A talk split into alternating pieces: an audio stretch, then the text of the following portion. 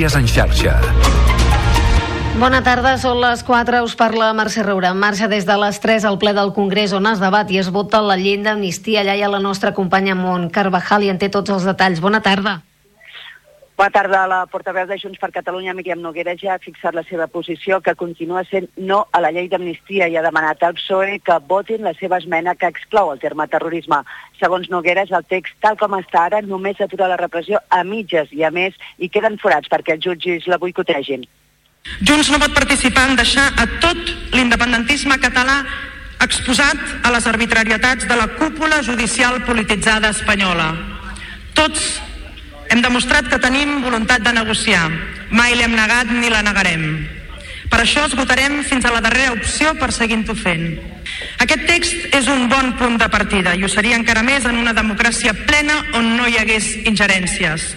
Però vostès saben que aquesta llei té forats.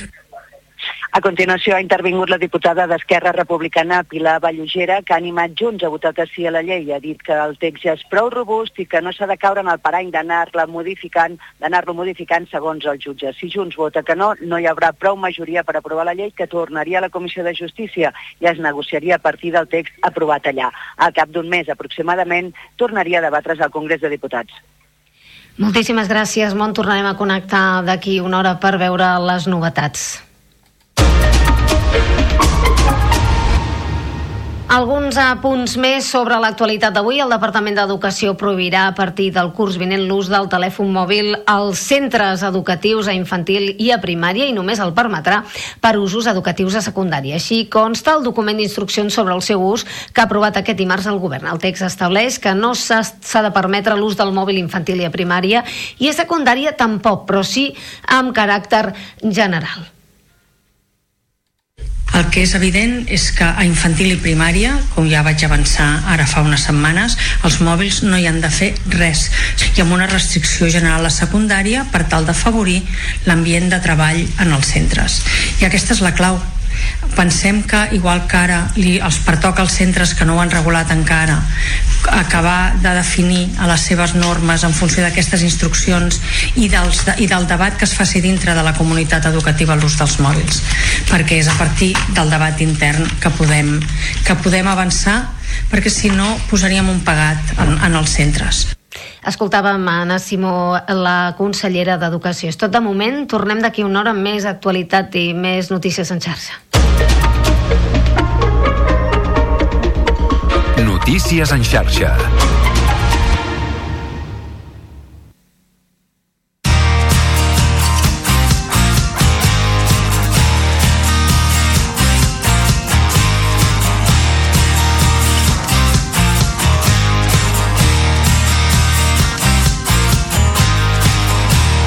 Carrer Major, un programa de ràdio Ciutat de Tarragona, Altafulla Ràdio, Ràdio Montblanc, Ràdio La Selva, Ona La Torre, la nova ràdio de Reus, Ràdio Hospitalet de l'Infant i Baix Camp Ràdio en col·laboració amb la xarxa de comunicació local. Hola, bona tarda, benvinguts un dia més a Carrer Major. Avui, en un dia d'aquells informativament parlants de pareu màquines. A Madrid, el Congrés s'està s'està pendent de votar la llei d'amnistia i encara no està clar què passarà perquè Junts ha dit avui mateix que hi votarà en contra si no hi ha canvis per cobrir els investigats del cas Tsunami i Volhov. De fet, la última hora, de fa molt poca estona, és que Junts ha dit en seu parlamentària que es manté en el no en aquesta llei d'amnistia tal com està plantejada. El president Puigdemont està seguint les negociacions des de Brussel·les i fronts eh, i fons pròximes amb ell diuen que aquest és un moment delicat i que estan a l'expectativa del que passi a Madrid. Aquest és, sens dubte, la notícia del dia, especialment per als malalts de política, que en aquest país són uns quants. Però avui també el govern català ha fet diversos anuncis d'aquells que tenen repercussions pràctiques, d'aquelles directes, clares. D'una banda, el Departament d'Educació ha anunciat que prohibeix l'ús de mòbils a infantil i primària i només el permet a secundària amb finalitats pedagògiques. Això vol dir que els alumnes d'ESO hauran de pagar els dispositius en entrar al centre i se'ls retirarà si en fan un ús indegut. Aquest és un dels anuncis que ha fet el govern català. Dos, el govern també ha anunciat que reunirà dijous, és a dir, eh, passat demà, la Comissió Interdepartamental de Sequera per declarar l'emergència al sistema Ter Llobregat. I és que els embassaments d'aquest àmbit han caigut per primera vegada per sota dels 100 hectòmetres cúbics, que és el llindar marcat per declarar la primera fase d'emergència segons el que s'ha establert en el Pla Especial de Sequera. I encara més coses. 3. Un altre anunci concret. La mascareta deixa de ser obligatòria aquesta mitjanit als centres sanitaris per la millora de la situació epidemiològica. I un altre anunci, que no l'ha fet el govern. Aquest l'ha fet el sindicat Unió de Pagesos, que ha confirmat que hi haurà mobilitzacions a Catalunya i que la data serà el 13 de febrer. El sindicat promourà marxes i talls de carreteres i, en el nostre cas, accions al port de Tarragona. I tenim també una notícia econòmica, si és que l'ordinador... Avui, si veieu que passen coses rares, que sapigueu que l'ordinador dona la torre està boig i el ratolí de l'ordinador fa el que vol. És a dir, que pot ser que en sec no sàpiga què de dir. Però la notícia econòmica me l'he apuntat perquè és una d'aquelles xifres sucoses. El BBVA ha obtingut un benefici rècord de 8.019 milions l'any passat. 8.019 milions d'euros, un 26% més que l'any anterior. I les vostres finances, què tal? Bé, això és Carrer Major. Com cada dia us acompanyem des de les emissores de proximitat del Camp de Tarragona amb tot l'equip que fem possible aquest programa us acompanyem l'Iri Rodríguez, l'Aleix Pérez, en David Fernández, la Gemma Bufies, la Cristina Artacho, l'Adrià Requesens, en Jonai González, en Pau Corbalan, l'Antoni Mellado, Antoni Mateus, jo mateixa, que sóc l'Anna Plaça, us acompanyo la primera hora, i el Iago Moreno, que el tenim al control tècnic. Comencem. Carrer Major, Anna Plaza i Jonai González.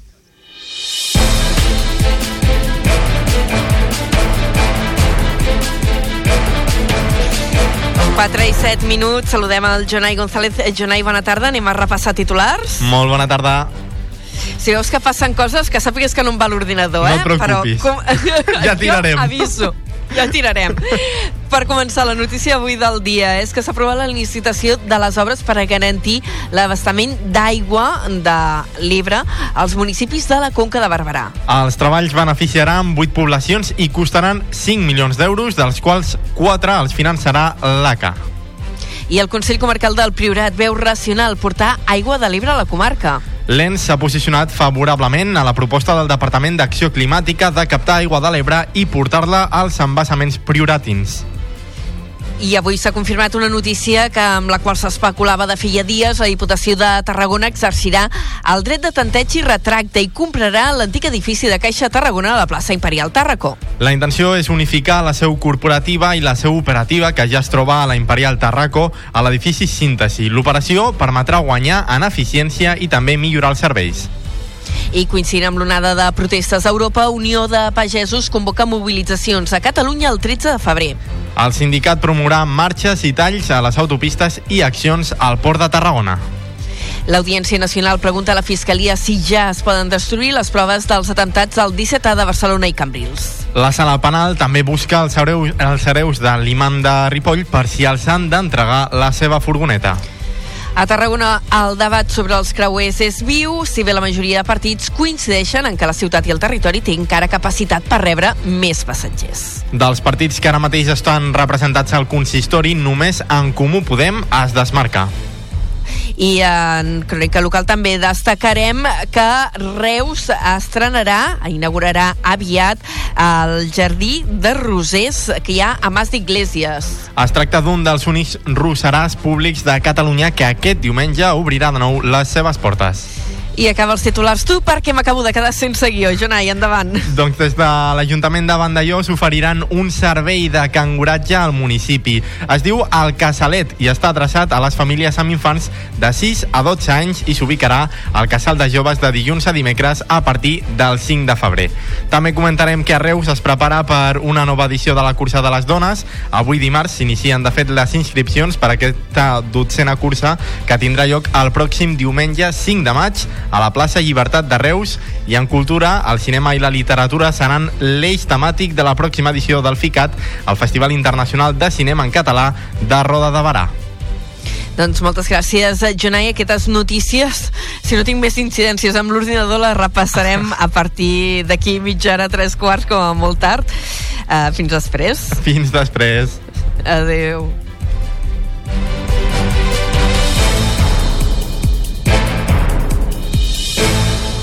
Carrer Major. Toni Mateos.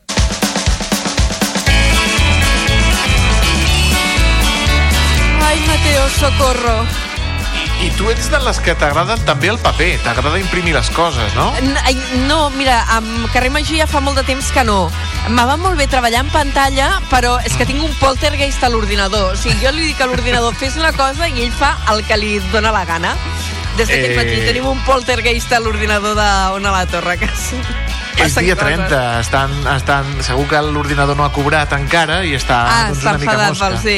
Mare Clar, de Déu, mare de de Déu. El servei, la, la nòmina. el servei tècnic, saps aquests serveis tècnics de trucar per telèfon i t'ho arreglem? Hombre, que funcionen ja- quan funcionen? Ens han dit que és que ha fet una actualització de Windows i dius, Sí. bueno, i clar, l'actualització de Windows li dona permís per fer el que li surti dels nassos a l'ordinador, sense Mm. fer-me cas a mi. Hi ha una sèrie meravellosa a la plaça que et Digue'm. recomano que es diu The It Crowd, Los Informáticos, Sí? Eh, una sèrie anglesa d'un departament d'informàtica que sempre contesten al, al telèfon, quan els hi truquen, sempre contesten el mateix. Departament d'informàtica, ha provat d'apagar i tornar a encendre l'ordinador? Sempre sí, diuen ho el hem mateix. provat, ho hem provat. Sí, sí. és el primer Pues que hem fet.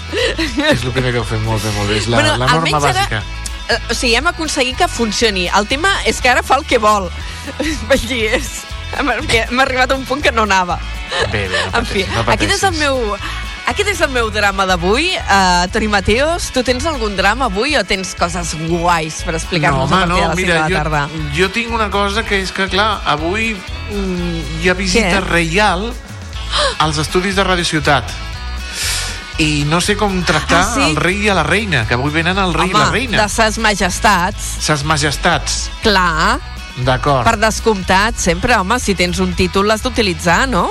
Monarca de... no sé, monarca de No, sa majestat, ja Sa està. majestat, sa majestat, el rei Carnestoltes És, el rei Carnestoltes i Tarragona és la concubina, eh? i la no reina és la reina, concubina. és, és la bé, concubina, sí, sí, és allò, mm -hmm. clar, de, és igual, ara entraríem en terreny pantanós, és horari protegit, no, No- no diem marranades, no, no es calen poden dir marranades.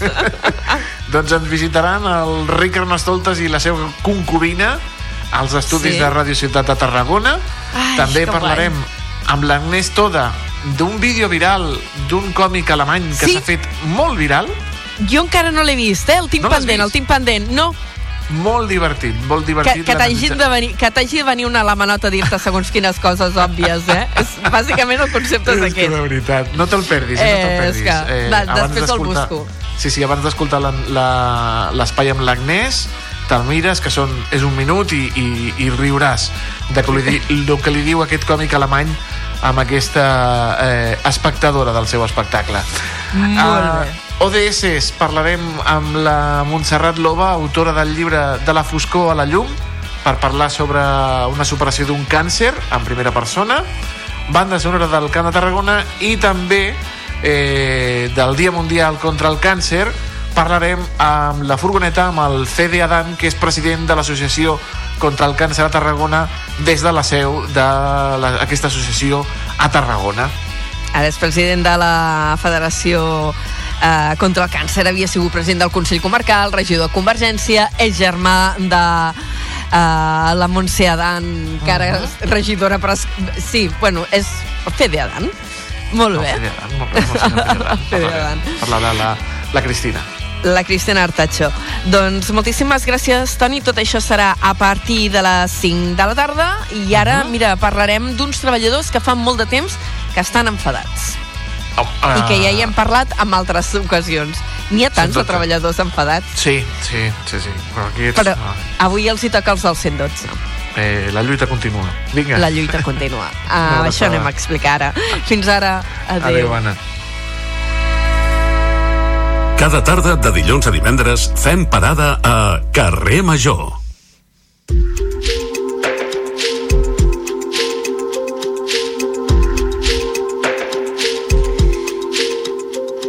Gairebé és un quart de cinc de la tarda i avui el nostre convidat a la primera hora de carrer Major és el Martí Vallvé. Ell és uh, portaveu del comitè d'empresa del 112 a Reus i delegat sindical de la CGT. Ens acompanya des dels estudis de la nova ràdio. Senyor Vallvé, bona tarda, benvingut. Hola, bona tarda. Ara fem broma amb el Toni Mateus, li deia avui anem a parlar amb uns treballadors que fa molt de temps que estan enfadats i de fet fa cinc mesos que esteu en vaga.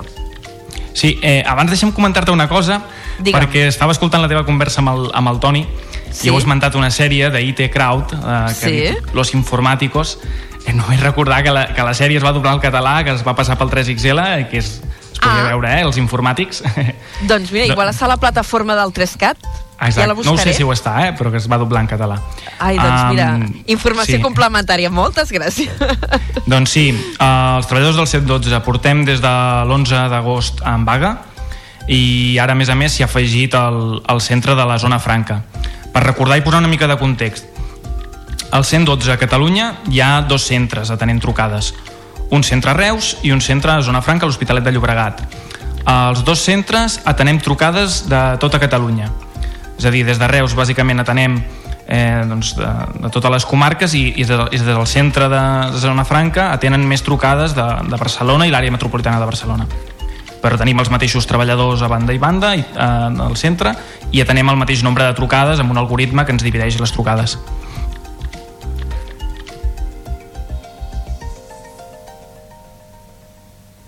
Perdó, que s'havia desconfigurat el micro. Uh, deia, a- això ho vaig veure, no?, que havíeu començat la, la protesta des del centre del 112 de Reus, que ara s'hi afegia Zona Franca. Uh, com és que s'hi han afegit Zona Franca o estàveu en situació diferent abans? O hi havia alguna cosa que us havia uh, portat a ser uh, els treballadors del centre de Reus els que havíeu començat mobilitzacions? Per què? Segurament és que tenim més empenta, perquè les condicions són les mateixes, eh, els problemes són els mateixos, ells també havien fet una anàlisi compartit amb nosaltres, però consideraven que en aquell moment doncs, preferien esperar una mica. Cal explicar que són dos comitès, diguéssim, d'empresa diferents, dos centres de treball diferents. A Reus, els nou delegats del comitè d'empresa són de CGT i a Zona Franca doncs, tenen uns, un- uns altres sindicats. Per tant, diguéssim, la- l'anàlisi dels problemes era compartit, però ells consideraven doncs, que calia esperar una mica i ara han decidit eh, sumar-se a la vaga i, i estem això, els dos centres en, en vaga i amb un 85% de serveis mínims, que la gent no s'espanti perquè quan diem que estem en vaga indefinida no vol dir que quan truquis a les emergències, al 112, ningú t'agafi el telèfon. Vol dir doncs, que mm, això, 85% de serveis mínims, eh, doncs, una persona o dos per torn doncs, té dret a vaga. Mm. I les estan seguint, aquest, uh, aquest dret a vaga? Està tenint seguiment o no? Sí, molt. Nosaltres tenim dades del centre de Reus i des de l'agost fins ara tenim un seguiment del 80% en amunt. Realment està ben seguiment. Sí, d'aquestes uh, una o dues persones que per torn poden fer vaga, la majoria ho estan seguint. Sí, això vol dir mm, realment a la pràctica, si la gent es pregunta com, com afecta, doncs que en determinats moments pot ser que hi, hagi més cues quan, quan truques al 112, això vol dir, més cues vol dir una mica més d'espera, però que les trucades se segueixen atenent. Eh, aquí els problemes, que això ja són d'abans que hi hagués la vaga, és que la- l'empresa que gestiona el servei, Ferrovial, que ara ha canviat el nom i es diu Serveo, eh, no dimensiona correctament els serveis, mm, no contracta suficients treballadors i hi ha hagut moments en què s'han perdut trucades. Mm. I, Ara- I això és prou important, sí, sí. Ara entrarem en, en el detall. Eh, avui eh, hem convidat el Martí Vallvé, el delegat eh, sindical de, de la CGT al 112 del Reus, perquè la setmana passada vau anar al Parlament eh, per tenir contactes amb els partits, traslladar-los les vostres reivindicacions i vau confirmar que aquesta vaga que vau començar ja fa cinc mesos i a la qual ara també s'afegeixen els treballadors de la zona franca eh, eh, doncs que teníeu intenció de mantenir-la, no? Eh, I també vau demanar, eh, vau evidenciar la, la demanda que fa molt de temps que teniu damunt de la taula, que és que s'internalitzi el servei tenint en compte, a més, a cara aquesta empresa que deies Ferrovial, que ha canviat de nom Serveo, eh, se li acaba el contracte, ara d'aquí no res, d'aquí dos mesos, al mes de març, oi? Exactament, I, i estem una mica enfadats també perquè nosaltres ja sabíem que el contracte amb Ferrovial acaba al març, que segurament hi hauria una pròrroga d'aquest contracte, independentment de que hi hagi o no hi hagi internalització. Nosaltres ja ens havíem reunit amb el conseller Interior, Joan Ignasi Helena, eh, el mes de novembre, estàvem en converses constantment amb la directora del CAT 112, la senyora Irene Fornós, i ja ens havia fet la idea doncs, que segurament aquest contracte es prorrogaria doncs, perquè de, fins al març no dona temps a prendre cap decisió o a, o, a, o a implementar les decisions que es prenguin però no ens deien quant de temps seria aquesta pròrroga. Aquesta pròrroga pot ser de sis mesos, d'un any, de dos anys. Nosaltres el dimecres passat vam anar al Parlament i ens vam reunir amb la majoria de grups parlamentaris, a excepció de PP, Ciutadans i Vox, i entre ells hi havia mm, mm, diputats del, del, del Parlament d'Esquerra Republicana, entre ells el, el Carles Castillo, que és de Tarragona, i nosaltres vam, vam preguntar i li vam dir per quan serà aquesta pròrroga? No? El contracte acaba al març, o com més aviat ho sapiguem millor, i no, no tenien informació o no ens la volien dir. I, i jo el dia següent el dia següent em va trucar un periodista de Reus Digital, ara no recordo el nom, di, di, disculpa, un periodista de Reus Digital eh, que, em, que em volia fer una entrevista i em va dir, la pròrroga serà d'un any. I jo li he dit, ah, doncs primera notícia, com ho has sapigut? I m'ha dit, no, és que he trucat al cap de premsa de Protecció Civil i, i 112 i m'ha dit que la pròrroga serà d'un any. I jo li dit, ah, doncs jo mira, jo hi vaig anar al Parlament i vaig parlar amb diputats d'Esquerra Republicana i no m'ho van dir.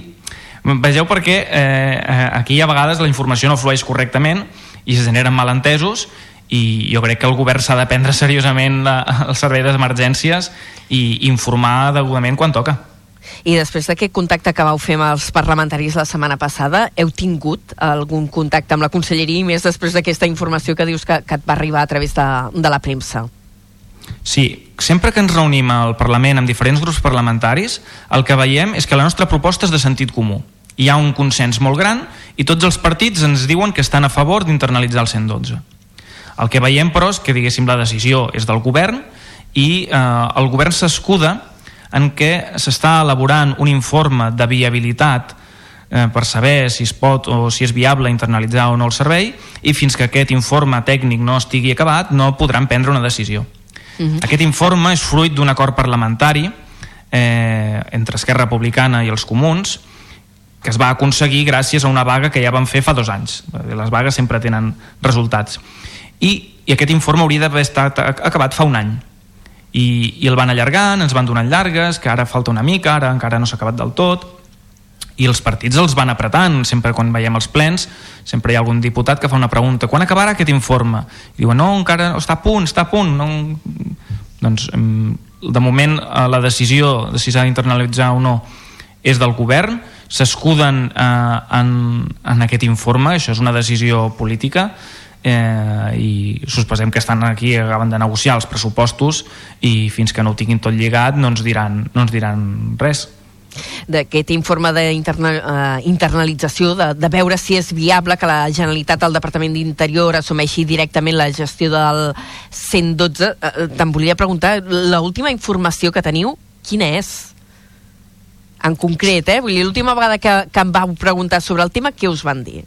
Sí, això ho hem parlat sempre amb la, amb la directora del CAT 112 per fer també una mica de context o d'aclariment. Ja existeix una estructura eh, pública una, um, que depèn d'interior que es diu CAT 112 i on tenen uns 20 um, treballadors. Per tant, no s'ha de crear una cosa nova. I per tant, quan ens reunim, ens reunim amb la directora d'aquest centre, el CAT 112, la senyora Irene Fornós, ja ens havia dit, ens havia anat avançant els progressos d'aquest informe, que si ara està a Economia, que si ara està a Funció Pública, que si ara estan detallant això, però ens va deixar de, de donar informació i, i des de la tardor pràcticament que no, que no sabem res perquè ara vosaltres, els treballadors del 112, doncs, eh, esteu, per dir-ho d'alguna manera, subcontractats, no? Pengeu d'aquesta empresa externa. Sí, i això és l'origen, diguéssim, gairebé de tots el, el, els mals, perquè havent-hi una empresa privada que fa d'intermediària, doncs s'endú uns beneficis que és a costa dels treballadors.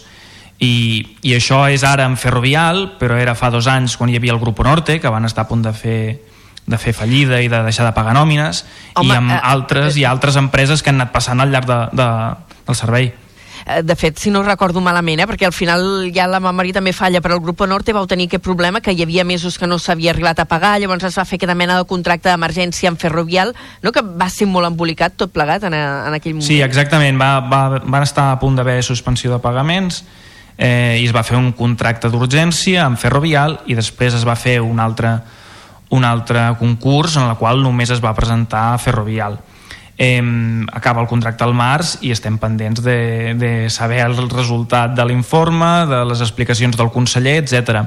El que veiem, com deia, és que la gestió privada és un dels motius, un dels orígens del conflicte, perquè hi ha un intermediari que s'estan duent diners que això podria beneficiar tant el servei de cara a la ciutadania com als treballadors i de cara, i de, per l'altra banda deia, també tenim un, un greu problema que és que el nostre conveni laboral és el conveni de telemàrqueting, el conveni de contact center, com si nosaltres venguéssim doncs, telefonia o enciclopèdies o el que sigui a través del telèfon. No? Llavors, amb aquest conveni, que no és realment el que, el que ens pertany, doncs és l'origen de, de molta disconformitat entre els treballadors i l'empresa. Eh, i, aquest, I que nosaltres tinguem aquest conveni i no un altre, això depèn del contracte entre la Generalitat i l'empresa concessionària. Per tant, també està a les mans de, de la Generalitat poder canviar això. Nosaltres estem atenent emergències en anglès, en francès, en alemany, en català, en castellà. Eh, és, és, és una feina complicada, és una feina estressant, eh, i això no pot ser que, que, que estigui dintre del conveni de, de telemàrqueting. Uh, quin conveni creieu que hauríeu de tenir? Hi ha alguna n'hi ha algun d'específic que, que creieu que us hauria de regir de l'àrea d'emergències o, o s'hauria de crear un conveni específic? Sí, mira, actualment el CAT 112, que depèn d'Interior, de, com depèn Protecció Civil o Bombers o, o Mossos, de, deia el CAT 112, estan començant a negociar un conveni d'emergències, perquè el CAT 112 té el conveni laboral, del conveni únic, diguéssim, per tota la gent, els treballadors que són personal laboral. Nosaltres creiem que hauríem d'entrar en aquest conveni d'emergències, que s'està començant a negociar. Ja li hem dit al conseller d'Interior que nosaltres, diguéssim, que amb la internalització no en tenim prou, que l'origen del, dels nostres mals, diguéssim, és aquest conveni de telemàrqueting i que volem aquest conveni d'emergències que s'està començant a negociar. El que no volem és que aquest conveni d'emergències es negociï amb els 20 treballadors actuals que té el CAT 112 i que després ens internalitzin a 300 treballadors, 150 Reus i 150 Zona Franca a l'Hospitalet, i llavors ja absorbim un conveni que no hem pogut negociar. Per tant, des de l'inici hem d'estar els sindicats majoritaris dels, dels, dels representants dels treballadors i poder negociar aquest conveni d'emergències perquè sembla que aquí la intenció és que entre amb dos delegats sindicals que hi ha actualment decideixin un conveni, per, en teoria són per 20 persones, després n'absorbeixin a 300 i, i quedem lligats de mans i no puguem decidir. Aquesta proposta de poder participar en les negociacions del nou conveni l'heu fet formalment? Li vam fer al novembre el, el conseller d'Interior i s'ho va prendre seriosament i s'ho va, ho va anotar i, i com deia... Ho va notar i què? I què ha passat en aquests mesos? Perquè del novembre, desembre, gener, dos mesos ha passat. Ell, ell personalment ens va donar la paraula. Ens va dir, en dos mesos us donaré resposta i us diré si s'internalitza o no el 112. Uh, aquests dos mesos ja han passat, nosaltres ja li hem tornat a enviar un correu al conseller i estem esperant a la seva resposta. Eh, com deia, eh, què, de, què demanem per poder desconvocar? Internalitzar, que puguem negociar aquest conveni d'emergències que ja s'està començant a tractar amb el CAT 112 i després una sèrie de millores laborals de cara a l'empresa privada. Perquè si demà mateix el conseller d'Interior decidís ep, internalitzem el 112 potser és un procés, bueno, segurament serà un procés llarg que pot tardar dos anys i en aquests dos anys no ens podem quedar amb les mateixes condicions que tenim actualment que això és el que crea un malestar a la plantilla. Uh, la gent que treballa al torn nocturn doncs cobra un euro 80 l'hora nocturna. Eh, el 90% dels treballadors tant de Reus com de Zona Franca estem a jornada parcial, estem treballant a 24 hores setmanals, 28, doncs no pots tenir una plantilla eh, que necessita, diguéssim, experiència a, a temps parcial. Eh, a més a més, parlem això, com deia abans, eh, anglès, francès, alemany, hi ha uns plusos d'idioma eh, molt minsos, no se'ns valora prou, eh, falten treballadors i, com deia abans, es perden trucades i, i tractant-se de les emergències i tant tant que els polítics sempre parlen que la seguretat és molt important, doncs si la seguretat és important, doneu condicions laborals als treballadors que en part atenem temes de seguretat o de sanitat o d'incendis, etc. Temps enrere havíeu denunciat que hi havia trucades que quedaven desateses. Aquest problema existeix realment? Clar, perquè Exi parlem sí. del 112, eh? estem parlant Sí. d'emergència, és a dir, tinc un Exactament. infart, truco. Existeix- Se m'està cremant la casa, Sí. truco. Poca broma. I per posar en context, mm, ara puc dir existeix i la gent pot dir, home, clar, com que esteu en vaga, no? doncs ara, no. Nosaltres sempre, sempre dic el mateix. Hi ha un informe de la pròpia Generalitat en què es multa durant 14 mesos seguits a Ferrovial per una mala gestió del servei. En aquest informe es pot veure específicament eh, els imports d'aquesta multa, que en total acaben sent 70.000 euros, i els motius. Entre els motius de les multes hi ha la pèrdua de trucades o la mala gestió en el servei d'idiomes. Mala gestió vol dir doncs, que hi ha hagut trucades en, en francès o en alemany que s'han perdut per falta de personal que parli aquests idiomes. Per tant, no és una idea que tenim nosaltres o una sensació. Jo no puc dir la xifra d'ara mateix de, de, de trucades que s'estan perdent dia a dia. Tot i que ja hem demanat aquestes dades a Transparència a la Generalitat i que el, el més aviat possible que les tinguem les anali- analitzarem. Però sí que sabem que se n'han perdut i que per culpa d'això Ferrovial ja ha estat multada. El que veiem és que segurament a Ferrovial li surt més a compte pagar les multes que no contractar més treballadors i atendre les emergències correctament.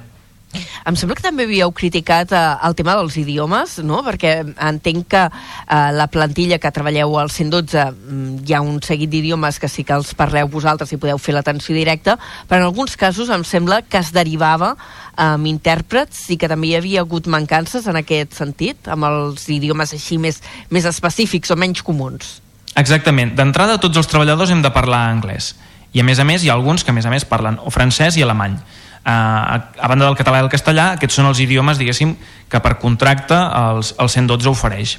Tots aquests idiomes, a banda dels que he esmentat, hi ha una empresa a banda que es, que es contracta de, de traducció simultània en el, en el, mentre hi ha la trucada i, i hi ha hagut problemes amb aquest servei de traducció.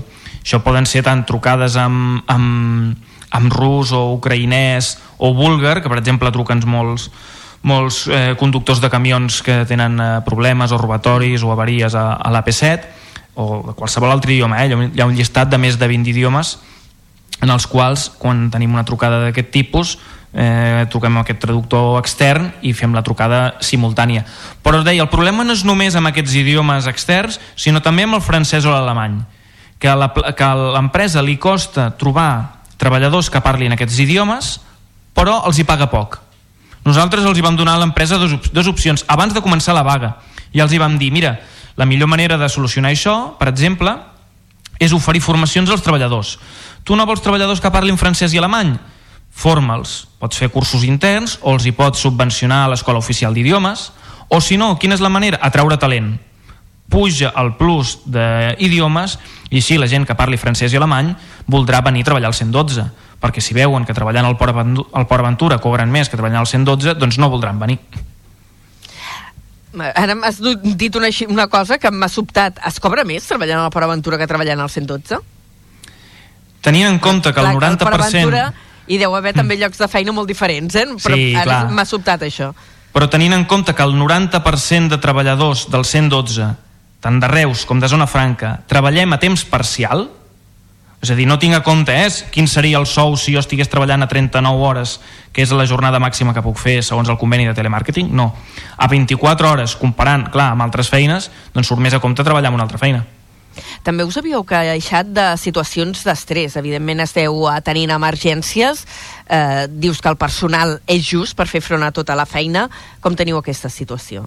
Això és molt greu. Això és molt greu perquè com que falta personal i no és qüestió d'ara sinó de fa anys, eh, els que estem atenent trucades doncs és una darrere l'altra, una darrere l'altra, s'acumulen les baixes doncs, per ansietat, per angoixa i l'empresa sembla que no, que no li importa gaire i, i així estem demanant, demanant primer que la gent que vulgui treballar més hores perquè n'hi ha molts que estem a 24 i volem treballar més hores se'ns se accepti no?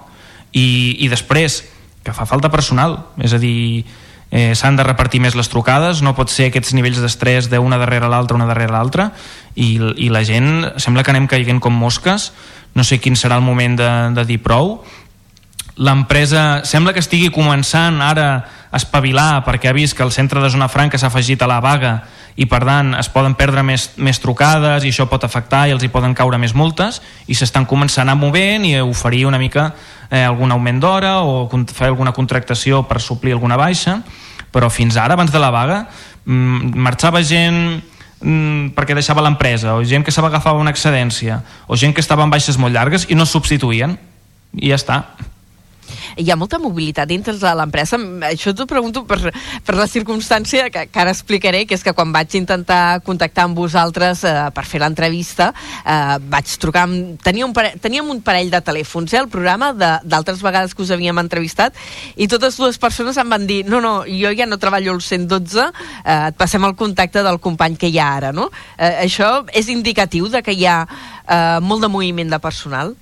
És un exemple de la gran mobilitat que hi ha i, I això també és greu quan es tracta d'atendre trucades d'emergències. Si el que volem és oferir un bon servei, el que ens interessa és que la majoria de treballadors comencin a treballar aquí i s'hi quedin durant molts anys, no que cada any vagin canviant de feina o vagin marxant i entrin de joves. Actualment, tal com està muntat el servei, per tornar a comparar amb el Port Aventura, sembla una feina d'estudiants. Aquí, a partir del març, cada any es va contractant gent a 24 hores. Són gent normalment que estan estudiant a la universitat, que ja els hi va bé treballar poc, però així l'empresa se'n beneficia i aquesta gent, quan ha acabat d'estudiar i vol trobar una altra feina, se'n va. I així cada any anem rotant de treballadors. I, I els treballadors que són, diguéssim, més veterans, normalment els treballadors a la partida que porten 5 anys d'antiguitat, molts d'ells acaben cremats, d'anar aguantant aquest nombre elevat de trucades i se'n van. Home, això és prou important que la Generalitat prengui nota que el conseller d'Interior prengui nota i digui eh, hem d'acabar d'una vegada per totes amb aquesta rotació, valorem millor els treballadors, millorem les condicions. Per això deia, no és només internalitzar, no ens serveix ara que el conseller o el govern es vulgui penjar la medalla de que li interessen molt les emergències, però seguim amb aquestes males condicions. Mm. Uh, una última pregunta, anem acabant, eh? últimes preguntes. La primera és, heu tingut reunions amb, uh, amb uh, Interior, ara heu fet aquesta nova petició de contactar amb el conseller per saber com està aquest estudi d'internalització i a veure què passa de cara uh, al març quan s'acaba uh, el contracte amb Ferrovial. I amb l'empresa, que heu tingut de contactes, o què és l'últim que us han dit? Sí, eh, és a dir, com nosaltres volem millores laborals, aquestes millores laborals les adrecem a l'empresa i des del primer dia que ens hem reunit i ens hem volgut reunir amb l'empresa. Eh, sempre diem que estem en vaga però si no ens agrada estar en vaga. Nosaltres considerem que és una eina i que la voldríem acabar el més aviat possible. Ho dic perquè és important. Primer, mmm, cada cop que demanem una reunió amb l'empresa eh, ens donen llargues o el mes que ve o són reunions... Sembla que no tinguin gens de pressa per solucionar el conflicte. Com que si ja els estigués bé i, i que no els hi passés res. I després que en, en aquestes reunions que hem, que hem tingut que ja n'hem tingut quatre des de l'agost que és, semblen poques doncs en aquestes quatre reunions sempre és no a tot de qualsevol tipus, eh? si tant li puguem dir mira, volem reduir la jornada laboral perquè hi ha molt estrès i aquestes 39 hores de jornada màxima ens semblen excessives. Reduir... no, volem muntar el plus d'idioma perquè fan falta contractar més treballadors que parlin francès o alemany. No, tot és no, no i no. Sembla que la postura de l'empresa és molt còmoda i fins que el govern no apreti a l'empresa no es mouran. Ara, la setmana passada, ho hem, hem començat l'entrevista per aquí, va anar al Parlament, eh, vau confirmar que seguiu en vaga. Quin és el pròxim pas, pròxima reunió, pròxima acció que teniu prevista? Eh, nosaltres ens estem comunicant amb, o sigui, ens estem comunicant demanem tant reunions amb l'empresa com reunions amb, amb, amb Interior o el, o el govern eh, constantment es tracta ja, és a dir, ja no de, la sensació que no depèn més de nosaltres, que es tracta que, que, que s'ho prenguin seriosament, eh, farem les reunions que calgui, les concentracions davant de l'interior o concentracions com hem fet aquí a la plaça Prim, que n'hem fet també a Reus, les, les que facin falta. Segurament en farem més. Eh, mm, no sabem ja què més hem de fer, però que seguirem fent coses perquè a, a insistents i a pesats no ens guanyaran, però que la pilota està a la seva taulada. Doncs agraïm moltíssim al Martí Vallvé, portaveu del comitè d'empresa del 112 Reus i delegat sindical de la CGT, que hagi vingut avui a, a Carrer Major, que l'hem tingut als estudis de la nova ràdio de Reus, a explicar-nos com tenen el panorama ara mateix. Ja n'hem anat parlant al llarg dels anys perquè el conflicte no ve de nou i esperem que us doni respostes aviat tenint en compte això, no? que s'està pendent d'aquest estudi d'internalització i que el contracte amb l'empresa concessionària acaba aviat. Molt bé, gràcies a vosaltres. Fins la pròxima. Adéu-siau. Carrer Major, al Camp de Tarragona, des de ben a prop.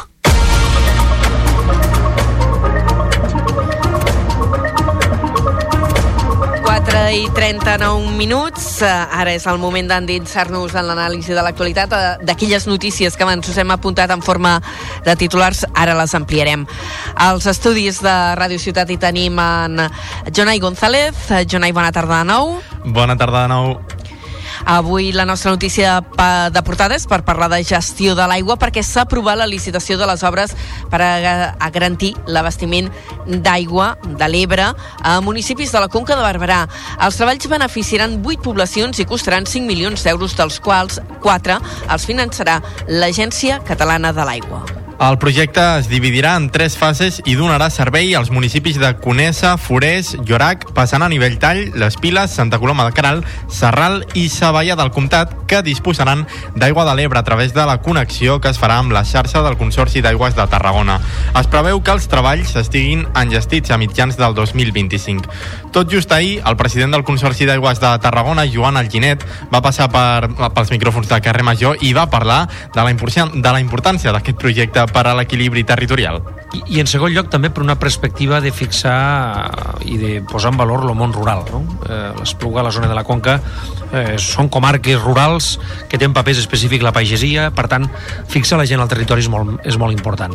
Pels volums i pels consums estem parlant de, eh, de consums molt modestos, que no posen en entredit el model de gestió hidràulica del CAT, que no suposa un, no responen a criteris de, de creixement urbanístic o de models especulatius, al contrari, vol dir fixar gent al territori. Recordem que l'Ajuntament de l'Espluga de Francolí també té en marxa el seu propi projecte per connectar-se a la xarxa del Consorci d'Aigües de Tarragona. Les obres van sortir a licitació al novembre amb una inversió prevista d'1,6 milions d'euros.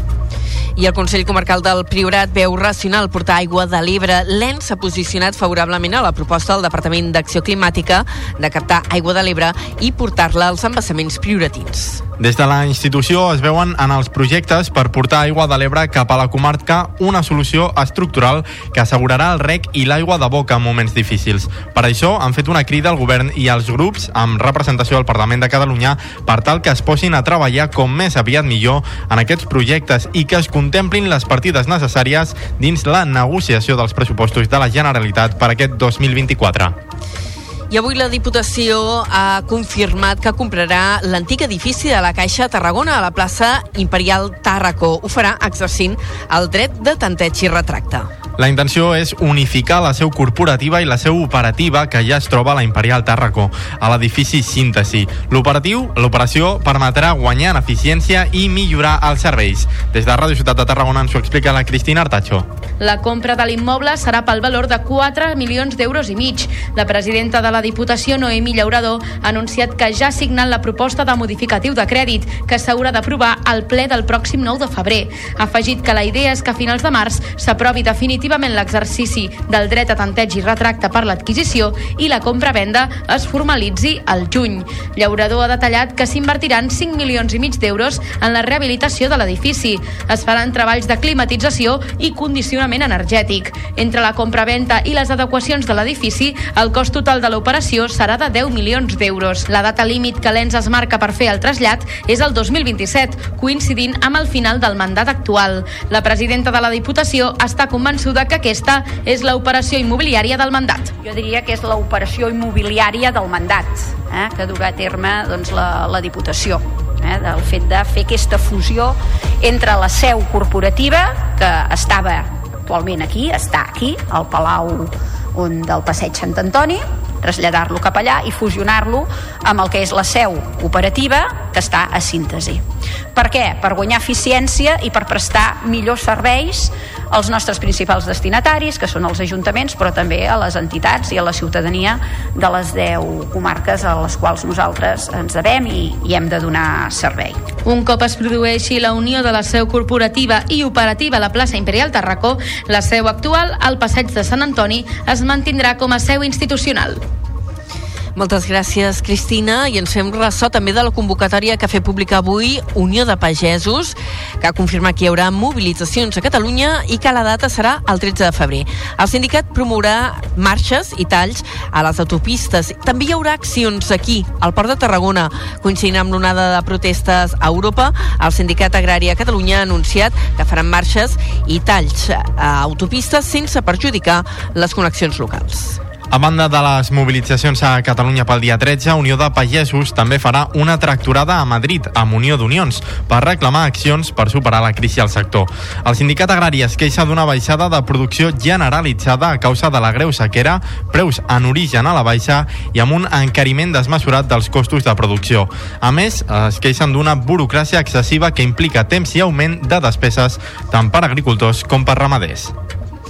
I en l'àmbit judicial, l'Audiència Nacional ha preguntat a la Fiscalia si ja es poden destruir les proves dels atemptats del 14 d'agost de Barcelona i Cambrils. La sala penal també busca els hereus de l'imam de Ripoll per si els han d'entregar la seva furgoneta. En concret, el decret del lletrat de l'Administració de Justícia del Servei d'Executòries d'aquesta sala penal pregunta si es poden destruir els dispositius electrònics, a banda de documentació, elements per fabricar explosius, vídeos i banderes d'estat islàmic i altres objectes. L'audiència també pregunta a la policia on són els vehicles dels condemnats i els morts per posar-los a disposició dels seus legítims hereus. Una situació altament improbable perquè cap dels seus hereus no ha reclamat mai el cos de l'imam. Algunes acusacions han avançat que s'oposaran a la destrucció de les proves perquè han presentat un recurs d'emparament davant del Tribunal Constitucional perquè volen saber tota la veritat del cas, com per exemple si l'imam de Ripoll està realment mort o si col·laborava amb els serveis secrets espanyols. Per això, si el Tribunal Constitucional els donés la raó, caldria continuar les investigacions i seria necessari tot el material probatori.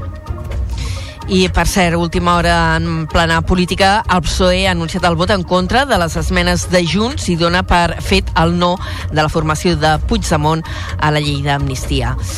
Aquest és un apunt d'informació general. Anem a les notícies locals. I a Tarragona ciutat el debat sobre els creuers és viu, si bé la majoria de partits coincideixen en que la ciutat i el territori en general encara té capacitat per rebre més passatgers. Dels partits que ara estan representats al consistori, només en comú Podem es desmarca. El portaveu dels comuns, Jordi Collado, qüestiona la política turística actual i denuncia que la massificació del turisme serà la mort del sector. Tarragona té massa gent blanquejant els creuers i parlant de sostenibilitat quan en realitat volen dir negoci. Ens costa entendre que la gent d'Esquerra Republicana vulgui per un model extractiu com el, el, el creueristes, eh, que aporta poc i contamina molt. És incoherent que diguin que no volen hard rock un dia i el següent vulguin multiplicar per quatre els creueristes a la nostra ciutat.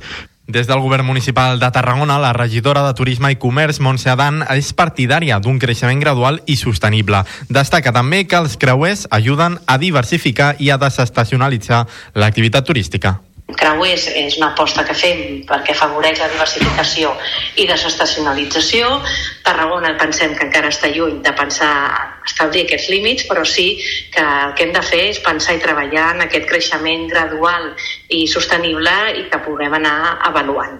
A l'oposició, el regidor d'Esquerra Republicana, Xavi Puig, ha assenyalat que els creueristes no només desembarquen a la ciutat, sinó que visiten diferents punts de la regió. Manifesta que la ciutat no està saturada i que cal un creixement sostenible per evitar aquesta situació. Penseu que els creuers no venen tots a la ciutat de Tarragona. Això és una porta d'entrada, un port d'entrada al camp de Tarragona i per tant jo crec que la mirada en aquest sentit és, és molt més àmplia que arriben, que generen una certa economia um, i que la capacitat que té Tarragona per albergar visitants no està saturada. En aquesta línia també s'expressa el portaveu de Junts, Jordi Sendra, que posa el focus en la qualitat dels visitants. Creu que del límit de passatgers se n'hauria de parlar en el marc de la taula institucional de creuers. Partit Popular i Vox també es mostren partidaris del creixement de l'activitat creuer creuerística i els populars, de fet, no es plantegen posar topalls. Talen 8 oms en mal estat al centre de Tarragona per evitar accidents en cas de temporal. De les 150 palmeres revisades a finals d'estiu, tan sols 3 van requerir l'actuació de la brigada. Ens ho explica des de Ràdio Ciutat de Tarragona, l'Adrià Duc. La Brigada Municipal de Tarragona ha talat aquest dimarts al matí 8 oms del carrer Ramon i Cajal que es trobaven en mal estat i podien ser un risc per als vianants i vehicles. En les diferents revisions periòdiques que fan els tècnics de parcs i jardins van detectar que aquests vuit exemplars presentaven diferents patologies. Així ho ha explicat el conseller d'Espai Públic, Guillermo García. Les principals patologies són, algunes estan podrits eh, per dins per diferents causes. Hi ha causes pròpies de, de l'arbre, com pot ser algunes ferides de, de la poda, i d'altres eh, alienes i externes, eh, tocs tant de camions com de cotxes, la contaminació també els afecta i fa que eh, s'hagin de podar perquè no hi pugui haver alguna caiguda en un futur pròxim. El conseller també ha volgut explicar que arran de la caiguda d'una palmera a Barcelona que va causar la mort d'una dona, a finals d'estiu es van revisar les 150 palmeres de la ciutat i tan sols va caldre intervenir en tres casos. Els oms podats al carrer Ramon i Cajal seran substituïts a partir de la setmana que ve per ligustrums. Reus inaugura la millora del Roserà de Joaquima Gallissà. Es tracta d'un dels únics roserars públics de Catalunya que aquest diumenge obrirà de nou les seves portes. Des de la nova ràdio de Reus ens ho explica la Laura Navarro. El pròxim diumenge 4 de febrer tindrà lloc la inauguració del Rosarà al Parc de Mas Iglesias amb un programa d'activitats obert a tots els públics. Els treballs per la millora del jardí de roses han consistit en la renovació de les terres, el realçat dels parterres, la substitució dels elements de fusta malmesos, la instal·lació d'un nou sistema de rec i la millora de la biodiversitat. Les noves varietats de rosers es complementen amb plantacions d'espècies herbàcies, flors silvestres, aromàtiques i altres espècies de clima mediterrani. El roserà Joaquim Agallissà és l'únic que hi ha a Reus i un dels pocs roserars públics de Catalunya amb gairebé una hectàrea de superfície va ser inaugurat a l'any 2007 i es va batejar amb el nom d'una de les grans impulsores del concurs d'exposició nacional de roses que organitza el Centre de Lectura de Reus i que és un dels certàmens rosaristes més importants del país. Moltes gràcies, eh, Laura Navarro. Seguim a la comarca del Baix Camp per explicar-vos que les obres de la residència de l'Hospitalet de l'Infant van a bon ritme. Així ho van afirmar en la visita que van dur a terme des de la Direcció d'Obra i la Regidoria d'Urbanisme el divendres 26 de gener. Des de Ràdio L'Hospitalet, Iri Rodríguez. Amb l'objectiu d'observar com avancen els treballs i avaluar el seu estat, el divendres 26 de gener, la Regidoria d'Urbanisme va dur a terme una visita d'obres a la residència de l'Hospitalet de l'Infant. Acompanyat per la Direcció d'Obra i membres de la Regidoria de Benestar Social, el regidor d'Urbanisme, Ferran Conejo, va afirmar que els treballs van a bon ritme. L'abans de les obres va estar sent satisfactori, ara mateix està treballant sobretot en la part interior, en acabar de finalitzar tot el que són la part d'instal·lacions, ficar els terres a, a, a l'interior de l'edifici i paral·lelament també s'està treballant amb la carpinteria exterior, començant a col·locar el que són les, les finestres a la segona planta i també pues, tota la part d'enllistonat de, que és l'acabat de, de l'edifici per l'exterior creiem que l'empenta de les certificacions que s'esperen per aquest mes de gener doncs donaran un altre impuls important en el que és el projecte de la residència. Des de l'Ajuntament confien que en acabar el primer trimestre d'aquest any haurà finalitzat la primera fase de l'obra. I parlem d'una altra qüestió relacionada amb la gent gran perquè el Club de Pensionistes de la Casa del Mar de Tarragona tindrà un nou protocol per a casos de maltractament de dones grans. Ho faran de la mà de l'ARC Serveis Assistencials. En té més detalls l'Adrià Duc des de Ràdio Ciutat de Tarragona. L'Arc Serveis, empresa que treballa amb gent gran o amb dependència en contínua recerca en la millora de la qualitat de vida del col·lectiu, ha elaborat un protocol específic per al Club de Pensionistes de la Casa del Mar de Tarragona per a la prevenció, detecció i intervenció envers el maltractament a dones grans.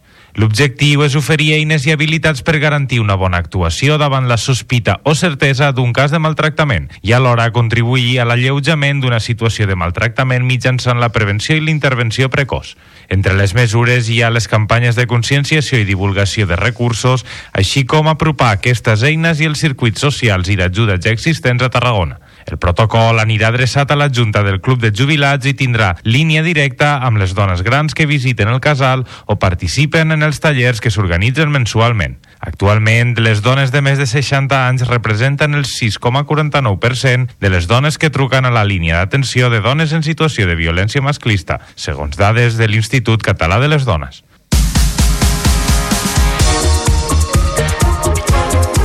I en esports, avui recollim una iniciativa de caràcter social. Reus es prepara per a una nova edició de la cursa de les dones. Aquest dimarts 30 de gener s'inicien les inscripcions per la dotzena cursa de les dones que tindrà lloc el pròxim diumenge 5 de maig a la plaça Llibertat de Reus. Des de la nova ràdio de Reus ens ho explica la Laura Navarro. La cursa és considerada l'activitat esportiva i solidària més multitudinària que es realitza a la ciutat. El recorregut consta de 5 quilòmetres amb sortida i arribada a la plaça Llibertat i passarà pels carrers més emblemàtics de la ciutat. La cursa estarà limitada a 2.500 dorsals i podran participar dones a partir dels 12 anys, tot i que hi haurà una cursa prèvia infantil en la que podran participar nens i nenes fins als 11 anys.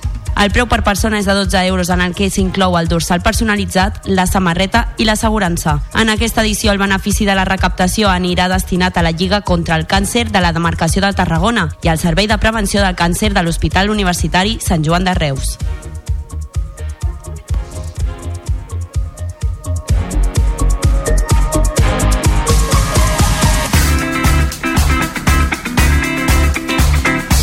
I és moment de parlar de cultura. Situem-nos eh, primer a la zona del Baix Gaià. El cinema i la literatura serà l'eix temàtic de la pròxima edició del FICCAT, el Festival Internacional de Cinema Català que es fa sempre a principis, finals de primavera, principis d'estiu a Roda.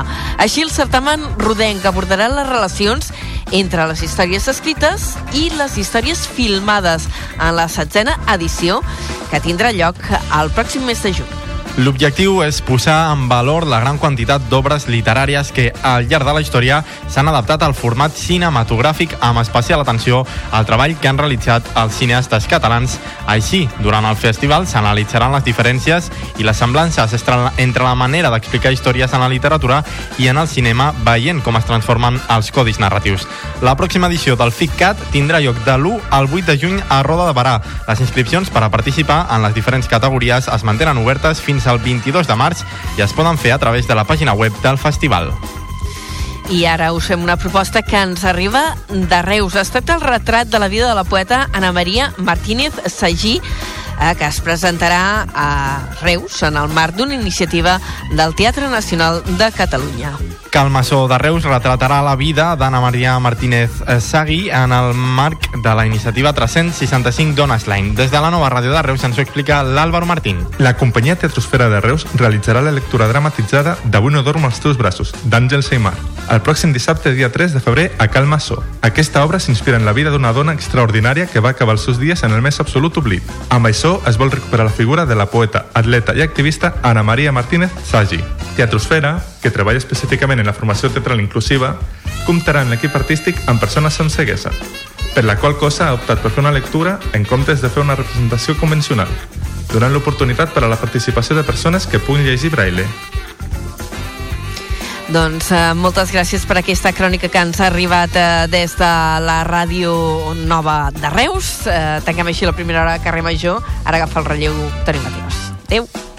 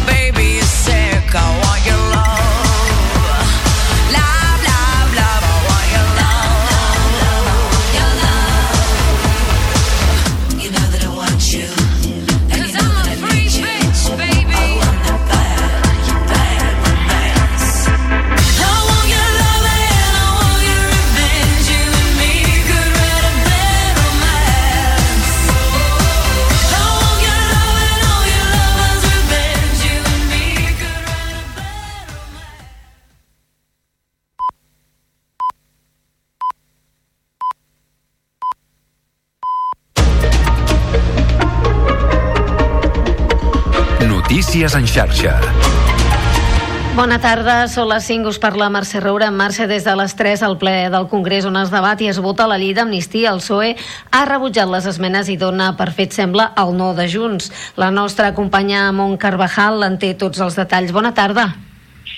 Bona tarda, Mercè. Així és, el PSOE de moment no es belluga i, per tant, tot depèn del que farà Junts. El PSOE ha rebutjat les esmenes de Junts i dona pel fet ja que Junts dirà que no a aquesta llei d'amnistia. Ja han parlat i acaben de votar el primer bloc, el bloc de les esmenes, i totes les de Junts doncs s'han anat eh, rebutjant. Després de les esmenes hi haurà un segon bloc, que és la votació del dictamen de la comissió, encara en més vots a favor que en contra. I aquí, previsiblement, Junts votarà a favor en aquest punt. Si votés que no, la llei cauria i llavors sí que s'hauria de començar tot des de zero, des del minut zero. I d'aquesta manera eh, Junts arribaria a la, a la votació final. En aquest punt, si es vota que no, la llei tornaria...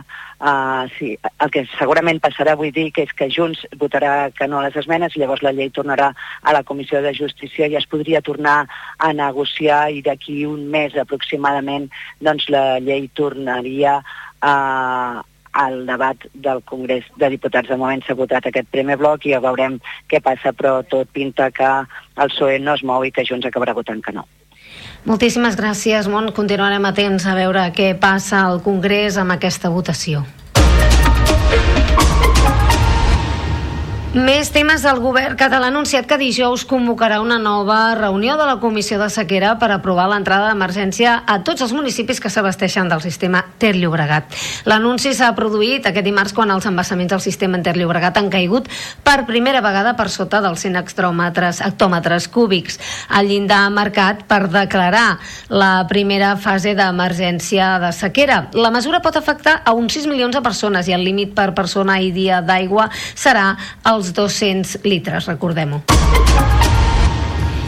Seguim endavant i és que, a més a més, relacionat amb aquest tema, la temperatura mitjana d'aquest gener no té precedents en més de 100 anys. Mai un gener havia estat tan càlid a l'Observatori Fabra. Mai en un mes d'un segle de dades minucioses s'havia assolit una temperatura mitjana tan alta. El registre se superarà per poc i serà el de 11 graus centígrads i rebenta el rècord anterior del 2016. Per primer cop se superen aquests 11 de mitjana a l'Observatori Fabra i es tracta d'un nou rècord, com us dèiem, en 100 anys. Continuem amb més notícies en xarxa.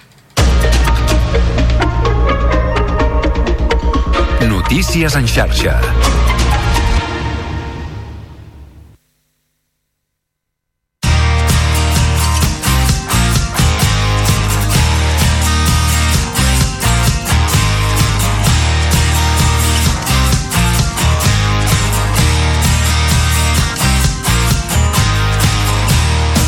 Carrer Major, Toni Mateos i Aleix Pérez.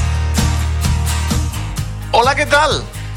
Escollir el nom per una mascota és molt complicat. Per exemple, ja ho saben els fidels seguidors del programa que les meves gates, una es diu Oreo perquè és negra i té unes taquetes aquí de color blanc, sembla una galeta Oreo, i l'altra es diu Maralla perquè és una gata carei i Maralla carei coses de l'humor.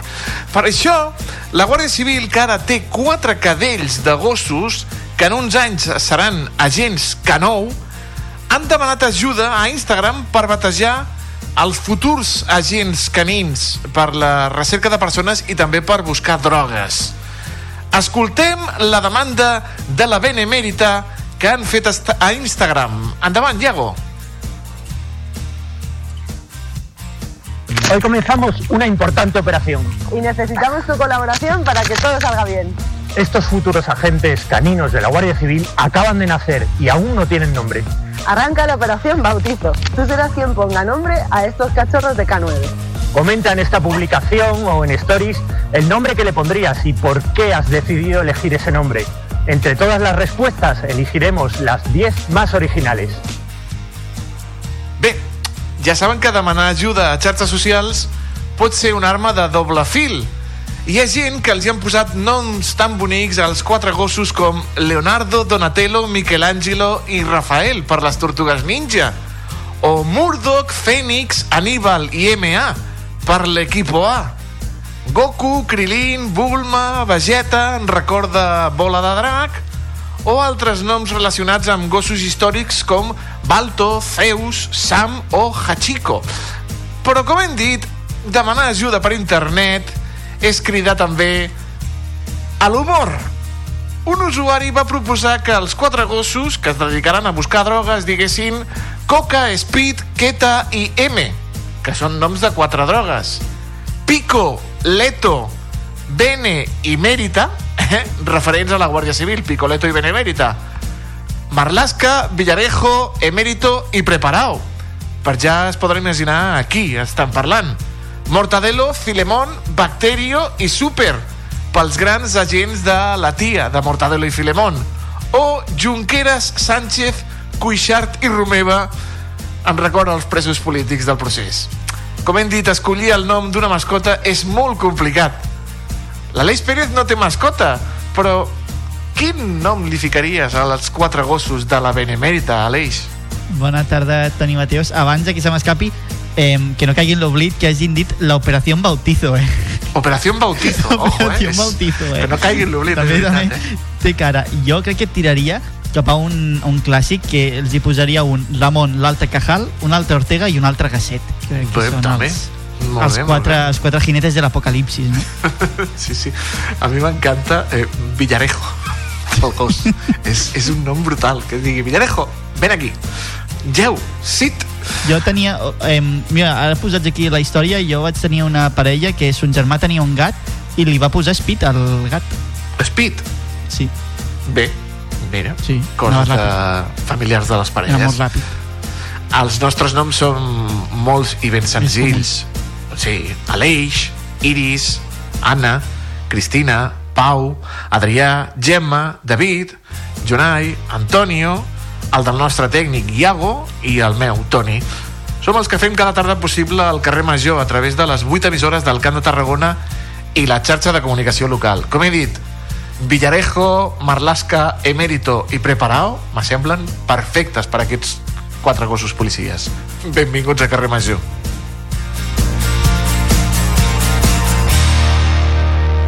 Tot el que passa al Camp de Tarragona t'ho expliquem a Carrer Major.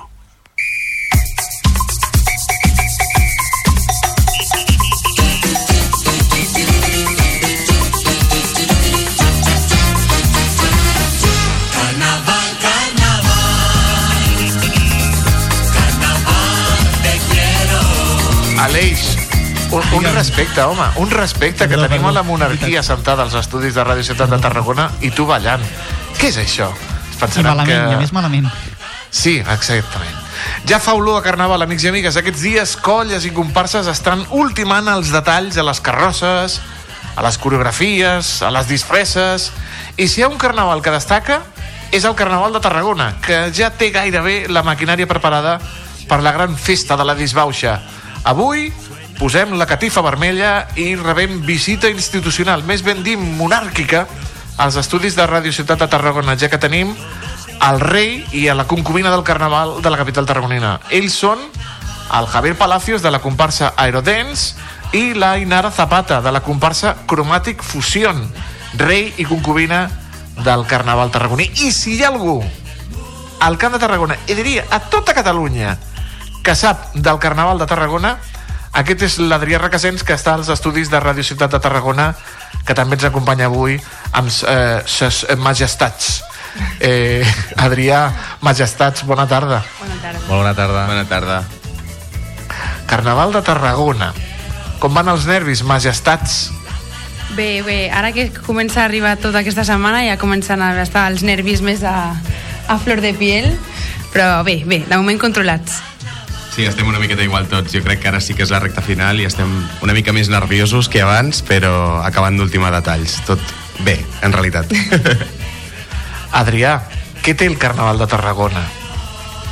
Bueno, que té el, el Carnaval de Tarragona, les comparses, la feina de les comparses, que per ells de, realment Carnaval és tot l'any, perquè acaben un, una edició i ja es posen amb la, amb la següent.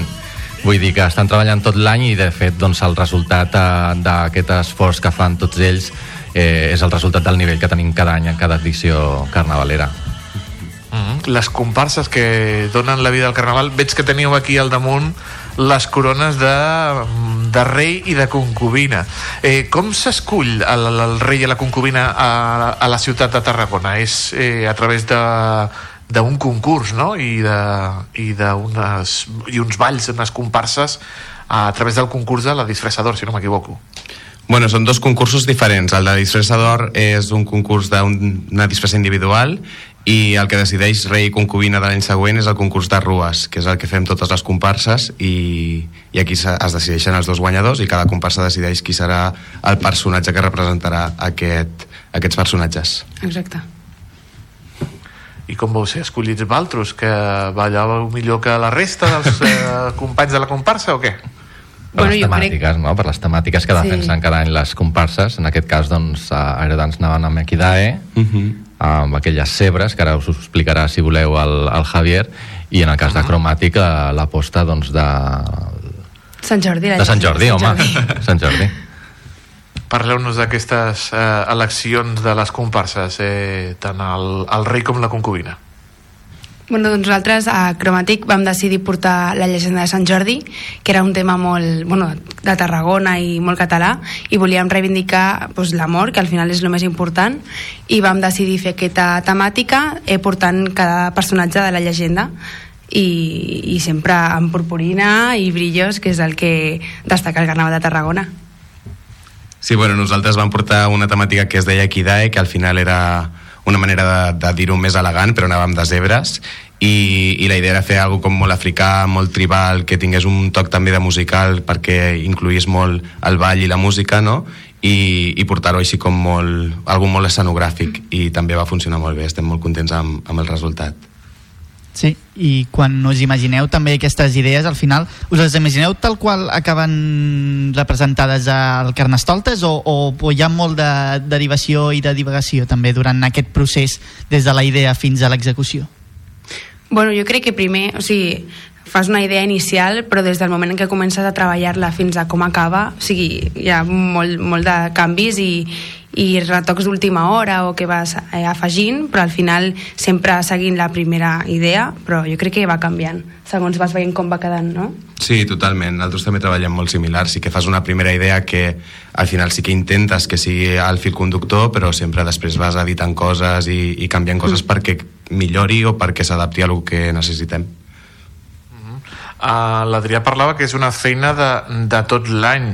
Eh, Parleu-nos una miqueta, de, tant Adrià com el Javier i la, i la Inara, de, qui, de quines són les comparses i sobretot que ens parlin d'Aerodance i de Chromatic Fusion. Bueno, eh, hi ha unes 30 comparses o així, cada any ja Sí, sí, es van sí. sumant noves, aquest any me sembla que hi ha dos o tres o quatre noves, vull dir que al final la rua es fa, es fa llarga però es fa atractiva i de fet un, una de les tasques que tenen les comparses és això, que com, que tenen molts membres dintre de la comparsa perquè no es faci repetitiu, d'una mateixa temàtica doncs fan diversos personatges, diversos, diversos tratges. Sí, bueno, en el cas d'Aerodance, per exemple, treballem sempre pues, el que dèiem des d'una temàtica, intentem també pensar-ho no només com un tratge, sinó com una rua i com un espectacle, llavors intentem com, pues, el que deia una mica l'Adrià, valorar què coses podem fer perquè sigui una mica diferent, si fiquem dos tratges, si fem grupets, si funcionem una miqueta per eh, animar el públic, al final intentem buscar una manera de que sigui també ameno, no? Com deien, perquè al final és el que deia l'Adrià, som 30 comparses i al final la rua hem de fer que sigui també atractiva per a tothom. Sí, jo crec que més o menys totes les comparses funcionen de la mateixa manera. Mhm. Tot i que cadascuna té el seu estil característic, però totes seguim com el mateix fil. Sí, no? jo crec que sí. Mm. Ser escollits rei i reina concubina del Carnaval de Tarragona és, és, un, és un, com deia aquell, orgullo i satisfacció, com, de, com deia l'altre rei, però, ostres, us heu de demanar festa a la feina, heu de deixar una mica davant dels estudis perquè representeu la ciutat, representeu la disbauxa eh, durant eh, aquesta setmana que dura el Carnaval. Totalment. Sí, tant. O sigui, al final eh, et dediques única i exclusivament al Carnaval, almenys en aquestes dues setmanes, perquè tot és, tot és per això, és per, per donar-te a veure i donar veu al Carnaval. Llavors, al final és un honor i un orgull, com tu deies, però sí, has de sacrificar algunes coses. Sí, sí, bueno, i al final, que estic fent segon de batxillerat, m'ho estic intentant com combinar el millor possible, però al final és el que és, el que és o sigui, s'ha de dedicar moltes, moltes hores i, i estar-hi, perquè és algo molt important que no es Sí. viu dues vegades a la, a la vida. Déu-n'hi-do, és, és, és un gran orgull. Eh, he de dir que jo vaig ser rei Carnestoltes a, a Reus, que és Molt bé. Ja l'explicarem algun dia, no? Ho explicarem algun dia, ho explicarem algun dia. Però al final és molt diferent, no?, el Carnaval de Tarragona al de Reus. Sí, sí, sí, moltíssim, moltíssim. Què té de, de diferent el, el, de, el de la capital, nois? Bueno, jo crec que al final és... No crec que sigui millor o pitjor, perquè a vegades sí que es compara en aquest sentit, i jo crec que al final el que, el que tenen és que són diferents, perquè nosaltres el que fem és lluir més un, uns tratges, fem més com una espècie de, de desfile, no? per dir-ho d'alguna manera, i, i fer que la gent també ho gaudeixi amb balls i, i més a, a nivell espectacle, potser, no? Més l'artístic, Sí. no? Exacte, Sí, sí, sí. sí. Jo crec que és la diferència, no? Que l'altre carnaval és més doncs, la part més potser satírica o més de disbauxa, no? I, i passar-t'ho bé, que crec que també és molt guai, però són diferents, simplement. Porteu tot l'any preparant-lo. Eh, les carrosses també eh, tenen una feina al darrere, o sigui, eh, les disfresses amb les modistes, eh, allò de mm, deixem una mica de goma perquè potser ha engreixat una mica, l'operació en biquini ha fallat i tot això. Eh, molta feina durant tot, tot, tot l'any, no? I ara, I ara ja és frenètica, ja és allò a, a correcuita. Sí, sí, o sigui, sempre hem de tenir en compte de tenir algun plan B per si alguna cosa no funciona com ens agradaria, però al final és intentar que quedi el millor possible i que gaudim tots, que és lo, el, el principal objectiu I del tant. Carnaval. Adrià, el diumenge ja com podríem dir, el tret de sortida ja, bueno, al ser escollits el, el rei i la reina, etc etc, coronats però el diumenge és com el tret de sortida amb el concurs de la disfressa d'or que és un concurs relativament jove però que ja està instaurat al Carnaval tarragoní amb, amb molta força, no? Doncs sí, la veritat és que és un eh, dels esdeveniments de l'any i del, del Carnaval, que és la posada en escena doncs, d'aquestes temàtiques sobre l'escenari, d'aquestes apostes de les comparses. No participen en aquest cas a totes, però sí que ja podem ja veure un tastet del que després veurem, del que veurem a la rua. Perquè entenc també que al ser nombrats no, com a rei concubina també comporta un, una gran expectació inclús gent no, que deu voler entrar a les comparses també una mica com gestioneu aquesta allau potser de, de persones que, que realment es senten atretes a, en aquestes comparses? Bueno, crec que és molt complicat perquè al final també portar una comparsa sempre la porten les mateixes persones, vull dir que la implicació no és més perquè per molt que s'ha- es vulgui implicar més gent. I al final nosaltres en aquest cas hem, hem posat un límit de persones i hem admès els que porten tota la vida amb nosaltres i alguna personeta nova sí que hi ha, però la, la qüestió és arribar fins a un límit també per no tindre més feina, perquè al final els quatre que fem tot som els mateixos quatre, encara que siguem 120 Sí, sí. o que siguem 60. Llavors la, nosaltres hem posat aquest aforament màxim. Sí, nosaltres igual, eh? no, no portem masses, o sigui, molts més dels que normalment acceptem de persones, o sigui, són sempre els de sempre, al Mhm. final, els que estan allà sempre. Però, però qui és d'una colla és sempre de la mateixa colla allò de jo sóc d'Aerodens i de tota la vida i els meus fills seran d'Aerodens i el jo de cromàtic fusió això és, és també, no? es respira aquest, aquest ambient, no? I sí? Sí, sí que passa una miqueta. Sí que és veritat que, evidentment, quan guanyes també té l'atractiu no, de, jolín, aquesta comparsa és forta, sé que sí que si m'apunto a aquesta comparsa doncs, viuré un regnat i potser això també atrau molt a, a gent que potser no participa tan seguit en una mateixa comparsa, no? Però, però és el que dic i el que tu dius, que al final com la majoria de gent té aquest sentiment i nosaltres podem posar aquest aforament, doncs l'utilitzem. Sí. És com els partits polítics, eh? Hi ha qui es canvia de comparsa, també. Sí, doncs... també, Al final cadascú decideix. Sí, cadascú I de sobte és rei del carnaval, no? Com els partits polítics que canvien de comparsa i de sobte, eh? rei del carnaval.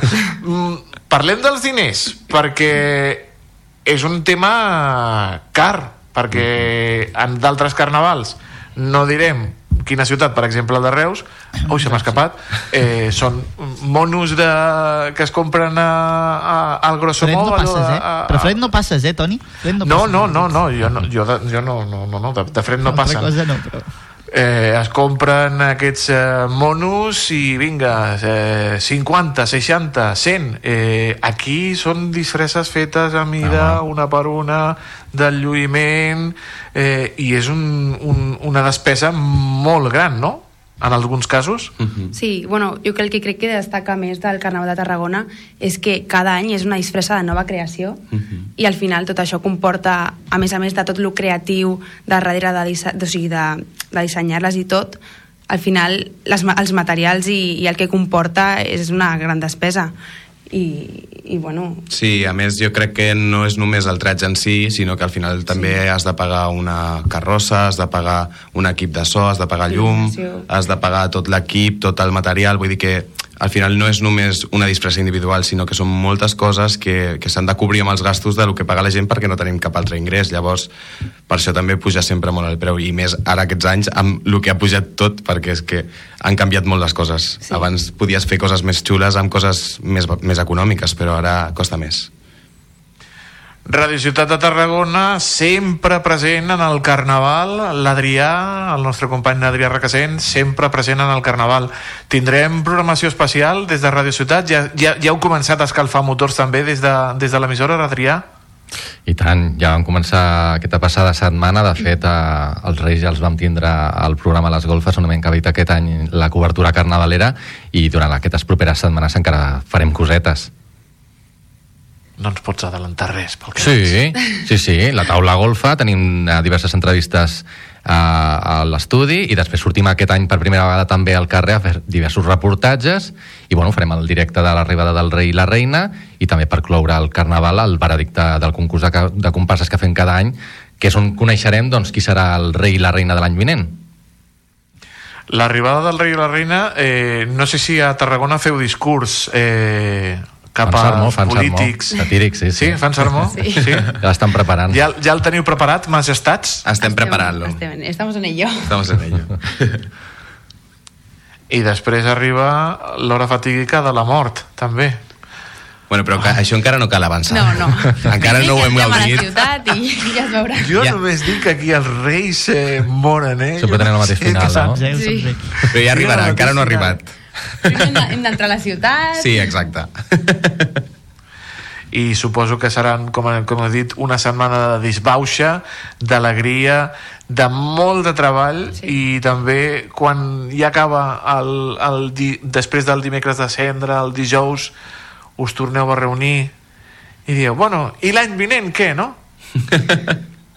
Sí, aquesta part sempre fa una miqueta més de, de, de paresa, per dir-ho d'alguna manera, perquè al final portes tant de temps darrere d'un any que començar el següent sempre es fa una miqueta pesat. Però sí que és veritat que ja vas pensant cosetes. Normalment deixem això, potser un mes de descans, i després ja comencem una mica a rodar. Sí, sí. Estarem ben atents a l'arribada de ses majestats a la ciutat de Tarragona, a l'Eix. I tant. Estarem atents a la... Dimecres vinent. Sí. Dimecres vinent a Ràdio Ciutat de Tarragona. Adrià, tu ja tens la teva disfressa preparada? Jo em disfresso tot l'any. Fent un munt de personatges. La millor resposta que ens ha fet l'Adrià. Uh, doncs uh, us volem donar les gràcies tant al Javier Palacios de la comparsa Aerodance, eh, rei Carnestoltes, la Inara Zapata de la comparsa Chromatic Fusion, la reina concubina d'aquest carnaval tarragoní i el nostre company l'Adrià Requesens de Radio Ciutat de Tarragona eh, per haver-nos acompanyat a, aquesta tarda al carrer Major. Mm, es diu molta merda en el regnat també o no ho sé? Sí, Ho podem dir, jo crec que sí. Jo crec que Ho sí, podem també. doncs molta merda i que el vostre regnat sigui recordat per molts anys. Moltes Veus? Això gràcies. també. Gràcies. Que vagi molt i molt bé. Gràcies. Igualment. Adéu. Estàs escoltant Carrer Major. Me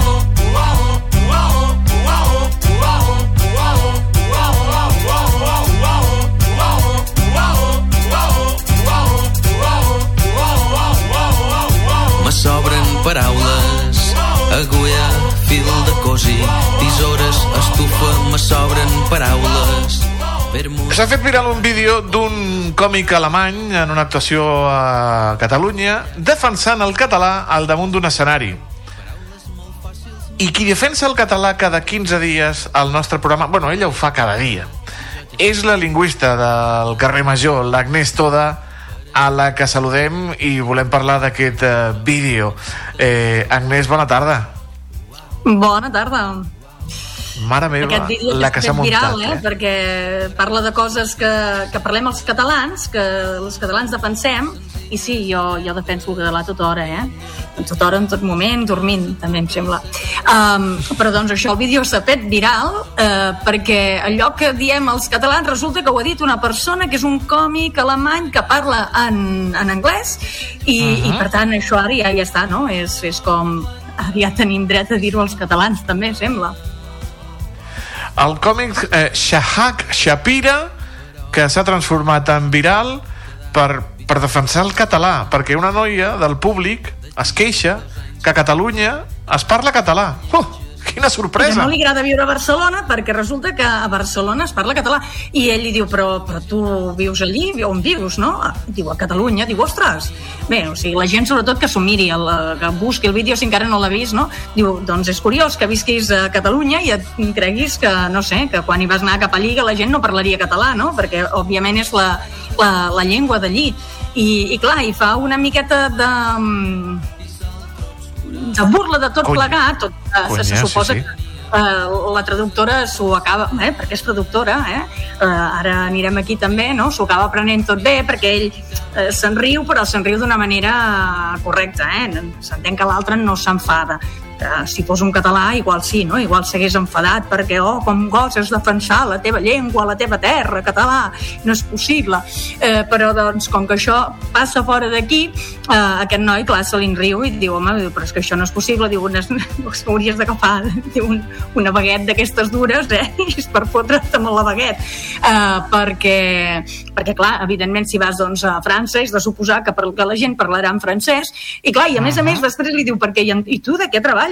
I diu de traductora, diu de traductora com és possible Sí. que treballant de traductora et queixis que la gent parli d'altres llengües, no? Perquè és que això és el que et dona de feina, que la gent parli altres llengües, no? I és curiós perquè Eh, jo precisament a vegades a la gent li dic no, eh, a l'institut dic mira, dic, eh, tu que ets de Romania que, que ets de no sé d'on sigui no, perquè diuen és que jo tornaré a casa meva i jo perquè el necessito el català dic, doncs mira, potser seràs el gran traductor de la teva llengua al català sempre hi ha eh, opcions i, i tot es tracta de segons com t'ho prenguis. Però doncs clar, aquesta xica que, que precisament és traductora, eh, és curiós que acabi mm, veient un problema eh, en, en tot això. Eh, en qualsevol cas, està molt bé que, que algú que no és català eh, i d'una manera suposadament, no? perquè és en principi el que, el que aparenta, eh, natural, informal, de manera inesperada, no? eh, acabi fent aquest, eh, aquest discurs, aquest discurs a favor del català, mm, perquè acaba demostrant que és obvi, no? que, que aquí eh, parlem una altra llengua i que se'ns ha de respectar, sobretot que se'ns ha de respectar que parlem una altra llengua, no? que, que la gent no se senti malament perquè nosaltres parlem aquesta altra llengua, eh, perquè, perquè clar, si som a Catalunya, parlem en català. De fet, m'ha recordat inclús en aquell programa que es feia a TV3, que era el Catalonski, no? Que eren tota aquella gent que parlava català i aprenia català de tot, de- d'arreu del, de, del món. També és curiós, no?, com molta gent al final també eh, per un motiu o altre acaba fent, la, fent aquest exercici no? de- d'aprendre i de divulgar de la mateixa manera el català. I a més, habitualment t'adones que la gent, com que a l'estranger, eh, més enllà de l'estat espanyol, eh, te, no tenen aquests prejudicis que tenen bé més enllà de l'estat espanyol o de la gent que parla en castellà, eh? Eh, perquè els, els eh, llatinoamericans, eh, aquí també hi ha molts prejudicis, i llavors, eh, no, eh, ¿por qué en catalán? I, no, i jo no quiero hablar en catalán, eh, mm, però la gent que no té prejudicis resulta que és que tampoc no és tan complicat. Bé, jo que consti que mm, hi ha una cosa evident, que és els verbs. Els verbs són molt complicats. Jo penso que han de ser molt complicats eh, per una persona, no sé, que parla en anglès. L'anglès que és tan fàcil, els verbs. Em deu pensar, però aquests dels catalans, bé, en castellà també són complicats, però és que en català tenim dos accents i, uf, uah. eh, això sí, eh? aquí sí que jo penso que si, qui se'n surti amb els verbs és eh, per regalar-li, no sé, no el nivell C2, sinó alguna altra cosa més. Però, però més enllà d'això, el fet de- d'entendre's i de comunicar-se, jo penso que mm, es tracta de voluntat. I si la gent viu aquí, mm, escoltant, jo conec molta gent que, que, que escoltant, que sense anar a cap curs, escoltant la gent del carrer i, bé, i equivocant-se quan comença a fer l'intent de parlar la llengua, eh, acabat tirant endavant i s'han acabat eh, sortint i després parlen un català eh, relativament correcte, no? Potser hi ha algun error de tant en tant, però doncs que, que no passa res. I tornant amb això que deia la Lacey, no? Arreu del món hi ha gent que, que estudia català, hi ha, hi ha gent que ensenya català, hi ha gent que estudia català, eh, perquè hi ha diferents eh, motius, el Barça, eh, la voluntat de venir a, a Barcelona a estudiar, no? anava a dir Catalunya, però és que normalment és Barcelona, que la gent vol venir a estudiar a Barcelona, i llavors algú que té un mínim d'interès eh, s'acaba donant, no? perquè busca, i diu, oh, mira, que allà parlen aquesta altra llengua, i en comptes de trobar-ho com una cosa negativa, ho trobo com una co- cosa positiva, no? Doncs mira, me n'aniré cap allà i aprendré aquesta llengua i serà un plus més que tindré, no? Perquè habitualment aprendre llengües és una cosa positiva, no? T'obre, uh -huh. eh, t'eixampla les mires, eh, no és pas negatiu, i menys per una traductora, eh, no hauria de ser negatiu, al contrari, hauria de veure com una oportunitat, no? De dir, mira, doncs, jo m'esforçaré, aprendré aquesta llengua i, i si en sap alguna altra, no sé, eh, de, de llatina, eh, aprendre català és, és relativament fàcil, com dèiem, i llavors doncs això t'esforces i després ja, mira, tens una llengua més de, des de la qual pots traduir cap a l'anglès o cap a la llengua que, que sigui que tradueix aquesta noia. Per tant, tot sempre és eh, relatiu i depèn de com tu miris, de com t'hi posis i habitualment amb les coses, si t'hi poses bé, doncs eh, millor, perquè en surts eh, enfortit i en surts doncs, amb una cosa que t'endús a sota, eh, sota el braç, no? com pot ser un coneixement més o menys correcte eh, d'una llengua. Jo penso que els catalans habitualment això ho fem quan anem pel món, eh? intentar aprendre les altres llengües i, i per tant també és Què- interessant què que dius, què gent com dius? aquí ho faci amb altres. Per, per què parlar la llengua que suposa que s'hauria de parlar? És un meravellós acudit d'aquest eh, d'aquest Shahak Shapira que per rematar el vídeo està gravat fa, fa ja diversos mesos, és del mes de juny, de la seva actuació del mes de juny, ara s'ha fet viral, com hem dit, a les xarxes socials, i el còmic diu que m'he convertit en un símbol de l'alliberament català, i que ell simplement és un còmic amb un micro que diu tonteries però que, que mira, que diu veritats com un temple. Uh, sí, és això mateix. Uh, acaba dient veritats uh, com un temple uh, i el, la gràcia és aquesta, no? que ho digui una persona que no és catalana. No? Els catalans això ja ho diem, o bé, o alguns ho diem, eh, i, i aquest discurs ens, ens fa ser, no sé, pesats o, o no sé, no se'ns escolta no? quan el, el, el diem eh, això. No, no, no té credibilitat perquè som catalans i clar, hi ha aquí una part de subjectivitat quan realment és una cosa que eh, és objectiva, no? Dic això de la subjectivitat que algú interpreta així i, eh, i en tenir aquest còmic ho fa d'aquesta manera desenfadada, perquè la gràcia és aquesta, no? És fer-ho de manera desenfadada, de manera informal, de manera eh, com deia abans, no? que se suposa que tot això no està preparat. Senzillament li surt perquè li surt allò com a natural, no? de dir, home, doncs si vas a Catalunya sí, eh, se suposa que la gent parla català i si això eh, és el que et molesta, és el que li diu ell, no? Diu, potser és que el problema el tens tu, no El que, que allà hi ha un problema, sinó que tu tens el problema. I, i clar, poder dir això també mm, potser en podem aprendre una mica de tot plegat i és que les coses depèn molt de com es diguin, no? Si tu amb algú li dius, ei, tio, per què no...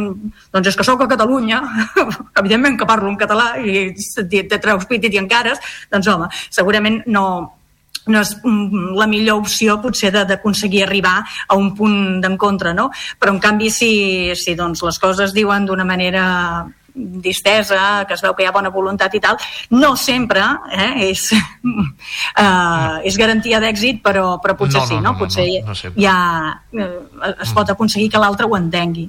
No? Eh, Últim minutet, jo penso que en minutet. aquest cas és, eh, se suposa que la traductora ho acaba entenent. No sé, això també seria interessant parlar amb ella i de dir ara què en penses, no?, de tot plegat.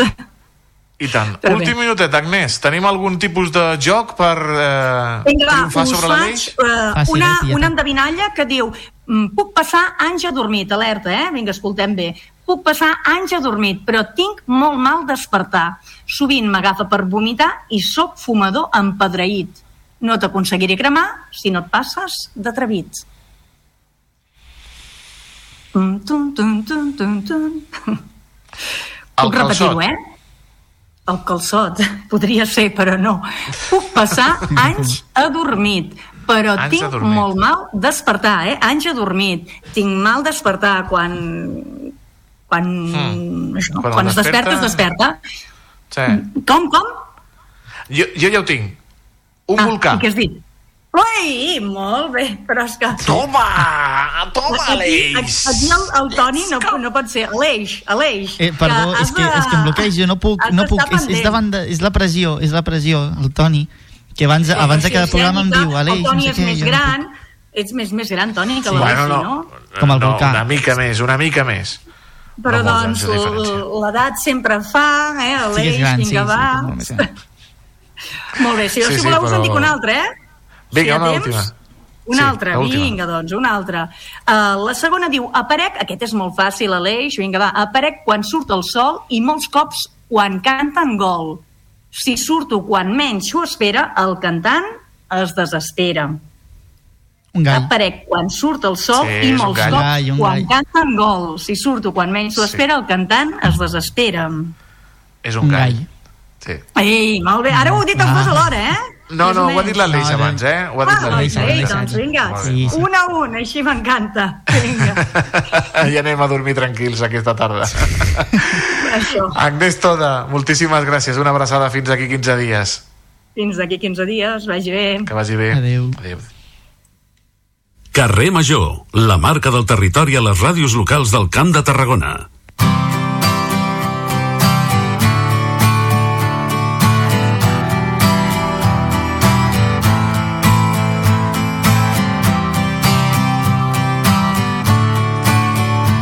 Continuem aquí al carrer Major quan passen eh, 5-6 minutets del punt de dos quarts de 6 de la tarda.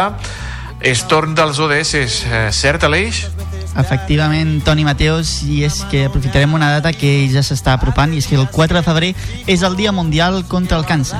D'històries n'hi ha tantes com, malauradament, casos, i la manera en com aquestes persones i les seves famílies han de gestionar-ho doncs, és realment una situació molt difícil. Tot i així, també hi ha gent que ho veu com una oportunitat per retratar tot allò que han viscut, com la Montserrat Lobo, la nostra protagonista dels ODS d'avui, autora del llibre de la foscor a la llum. Podem encabir l'ODS número 4 dedicat a la salut i al benestar. Molt bona tarda, senyora Lobo. Montserrat Lobo, perdoni. Sí. No, no, i ara? Eh, entenc que tota aquesta història, no? tot aquest projecte comença potser de la pitjor manera possible, no? amb una notícia que és complexa de gestionar.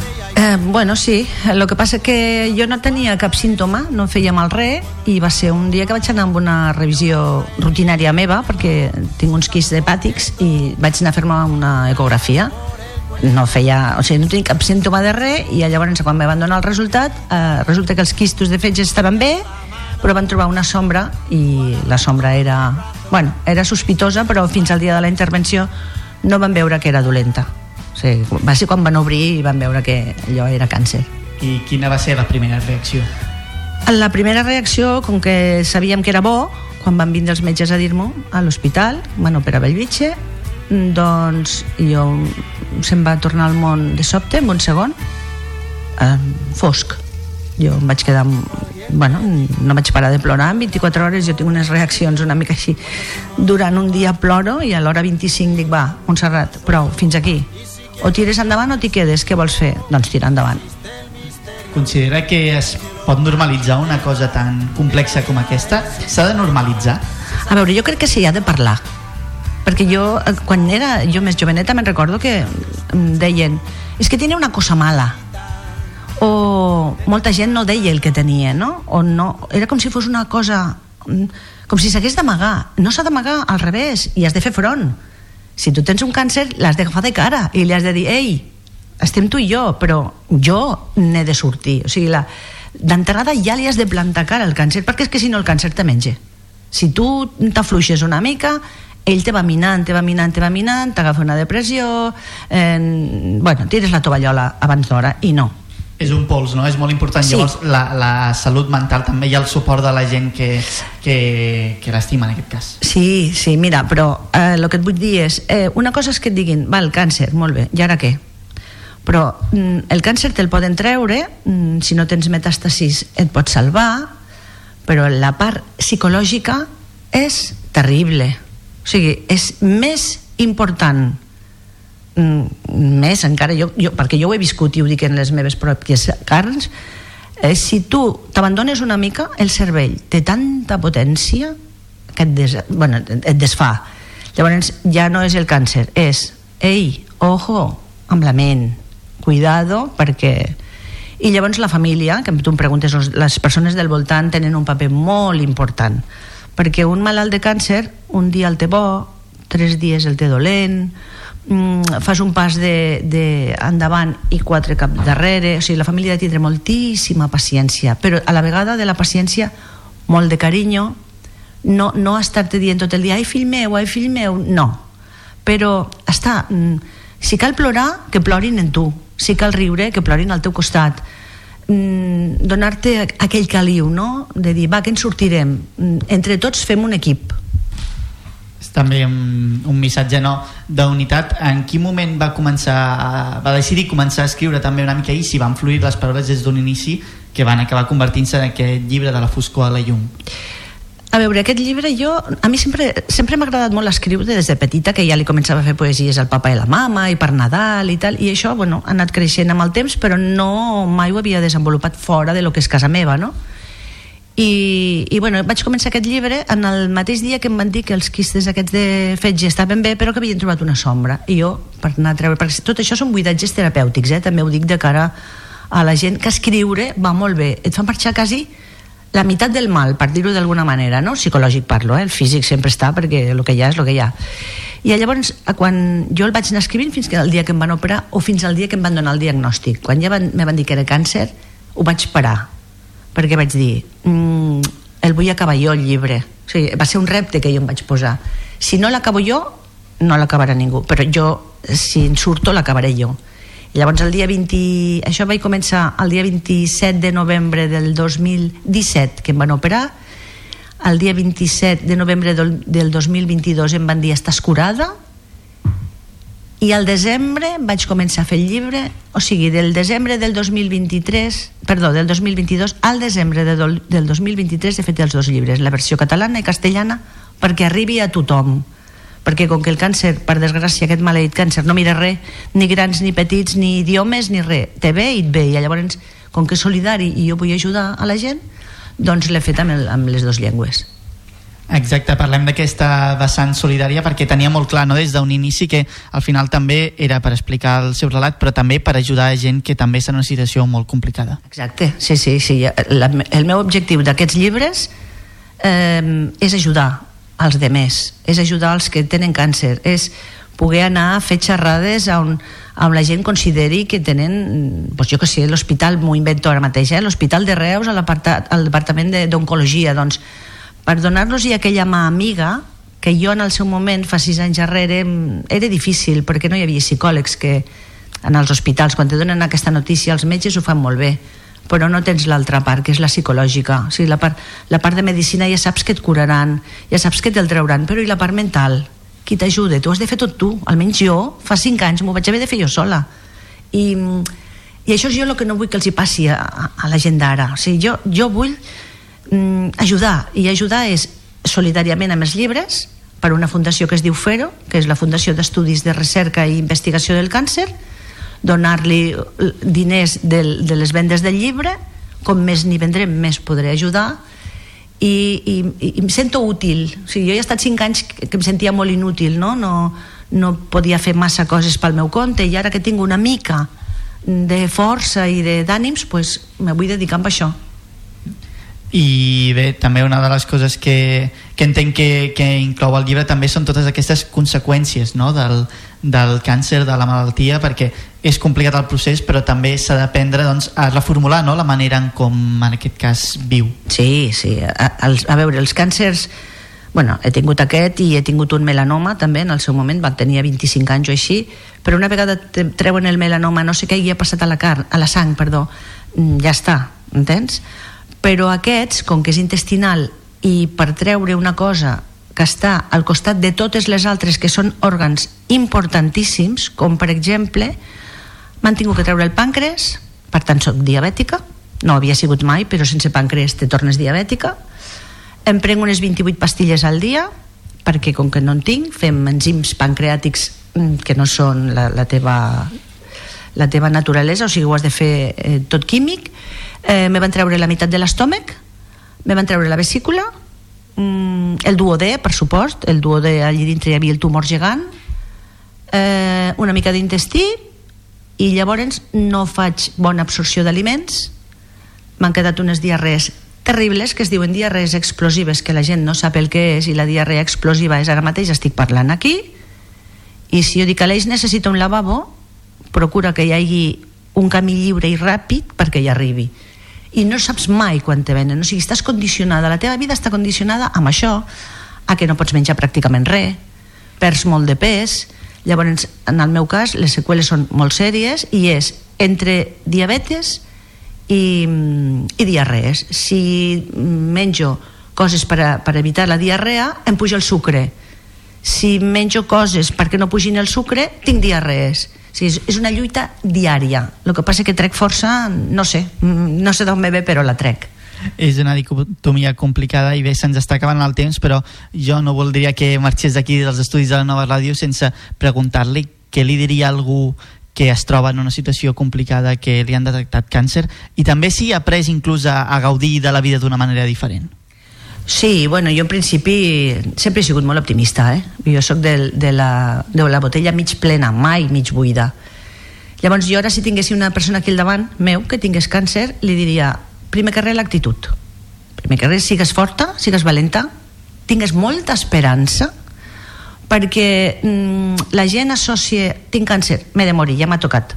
No, el càncer no és sinònim de mort el càncer és, vale, eh, estem parlant d'una cosa que avui en dia encara no es cure o, o si més no bueno, eh, cada vegada es mor men, me, menys gent o sigui que estem, estem evolucionant a, a que tot vagi millor. Però jo la tindria aquí al davant i li diria mira, si necessites qualsevol cosa t'agafes el llibre que el trobaràs a les llibreries i a dintre hi ha una targeta que he fet jo a cada llibre on escric el meu número de, de el meu mòbil, ai, perdó, el meu mail que es diu de la foscor a la llum perquè m'escriguin si, si tenen dubtes, si tenen eh, tristors, si estan baixos de moral que sempre sàpiguin que Montserrat Lova estarà per ells. Doncs molt important també aquesta crida que fa. Moltíssimes gràcies Montserrat Lova pel seu temps per venir aquí a conversar a parlar del seu llibre de la foscor a la llum. Moltíssimes gràcies. Moltíssimes gràcies a vosaltres Després. i molts ànims a tothom moltes gràcies, gràcies. Montserrat gràcies, Gràcies. Montserrat Lova eh, per explicar-nos el, el seu testimoni i nosaltres continuem parlant d'aquest dia mundial contra el càncer amb la furgoneta, el Dia Mundial contra el Càncer el proper diumenge i la furgoneta d'avui amb la Cristina Artacho que se'n va fins a Tarragona a l'Associació contra el Càncer a Tarragona a parlar amb el Fede Adan Cristina Artacho, bona tarda Bona tarda a tots. Avui som un dia més aquí a la Furgo i una Furgo una miqueta més relaxada de lo, normal, però no menys important. De fet, pro- probablement el tema d'avui és un dels més importants que hem parlat i és que diumenge és el Dia Mundial contra el Càncer. Una malaltia que malauradament d'una manera o altra ens acaba tocant a tots, no? a nosaltres mateixos o a un familiar, a un amic i mai està de més continuar visibilitzant-la, més aprofitant el Dia Mundial contra el Càncer. Al costat, per parlar-ne amb propietat, m'acompanya el president de l'Associació eh, contra el Càncer a Tarragona, el Fede Adan. Molt bona tarda, Fede. Hola, molt bona tarda, com esteu?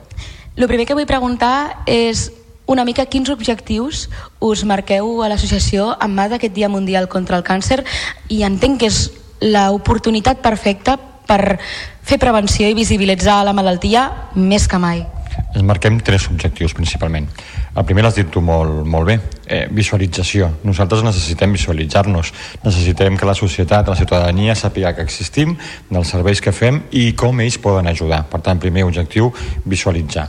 Segon objectiu, que els malalts i els pacients eh, sàpiguen que ens en recordem d'ells. Un dia com aquest és un dia pel qual eh, dediquem molts actes no només la gent de, del carrer, sinó la gent amb, amb, amb cert pes al dintre de la ciutat, les autoritats, per destinar un moment del dia a un acte en pro de l'associació. I això fa que els malalts se, sent, se sentin recolzats i acompanyats. Per tant, segon objectiu, que els malalts sàpiguen que no estan sols, que aquesta malaltia tenen molta gent darrere que intentem ajudar-los i tercer objectiu, prevenció, com tu deies ens marquem eh, l'any 2030 tampoc està tan lluny com una fita important perquè intentem incrementar el, el percentatge de gent que supera aquesta, aquesta malaltia i volem arribar al 70% de, de gent que una vegada diagnosticada el càncer són capaços amb els tractaments i amb els acompanyaments de poder dir he triomfat, he guanyat i, i estic aquí i per tant he deixat davant del càncer. Eh, comenta que l'objectiu 2030 és aquest 70%. No sé actualment en quin percentatge ens trobem de gent que es cura. Estem més baix, estem vora el 60 i llavors jo crec que això és molt important eh, per arribar a aquests percentatges eh, qüestions molt bàsiques que jo crec que tothom hem d'interioritzar. En primer lloc, eh, qüestions de prevenció. O sigui, crec que és important que les persones a determinades, sobretot a determinades edats, eh, fem activitats de control, activitats de, de diagnòstic previ, perquè és evident que diagnosticar una malaltia com el càncer de forma prematura o, o ja molt avançat és molt diferent al resultat. Per tant, crec que és important que ens conscienciem de que de la mateixa forma que portem el cotxe a canviar l'oli, a mirar la, la pressió de les rodes, etc perquè volem un manteniment i perquè volem que el cotxe duri més, crec que és el mateix hem de fer nosaltres. Eh? A determinades edats hem de començar a fer eh, controls i seguiment. I després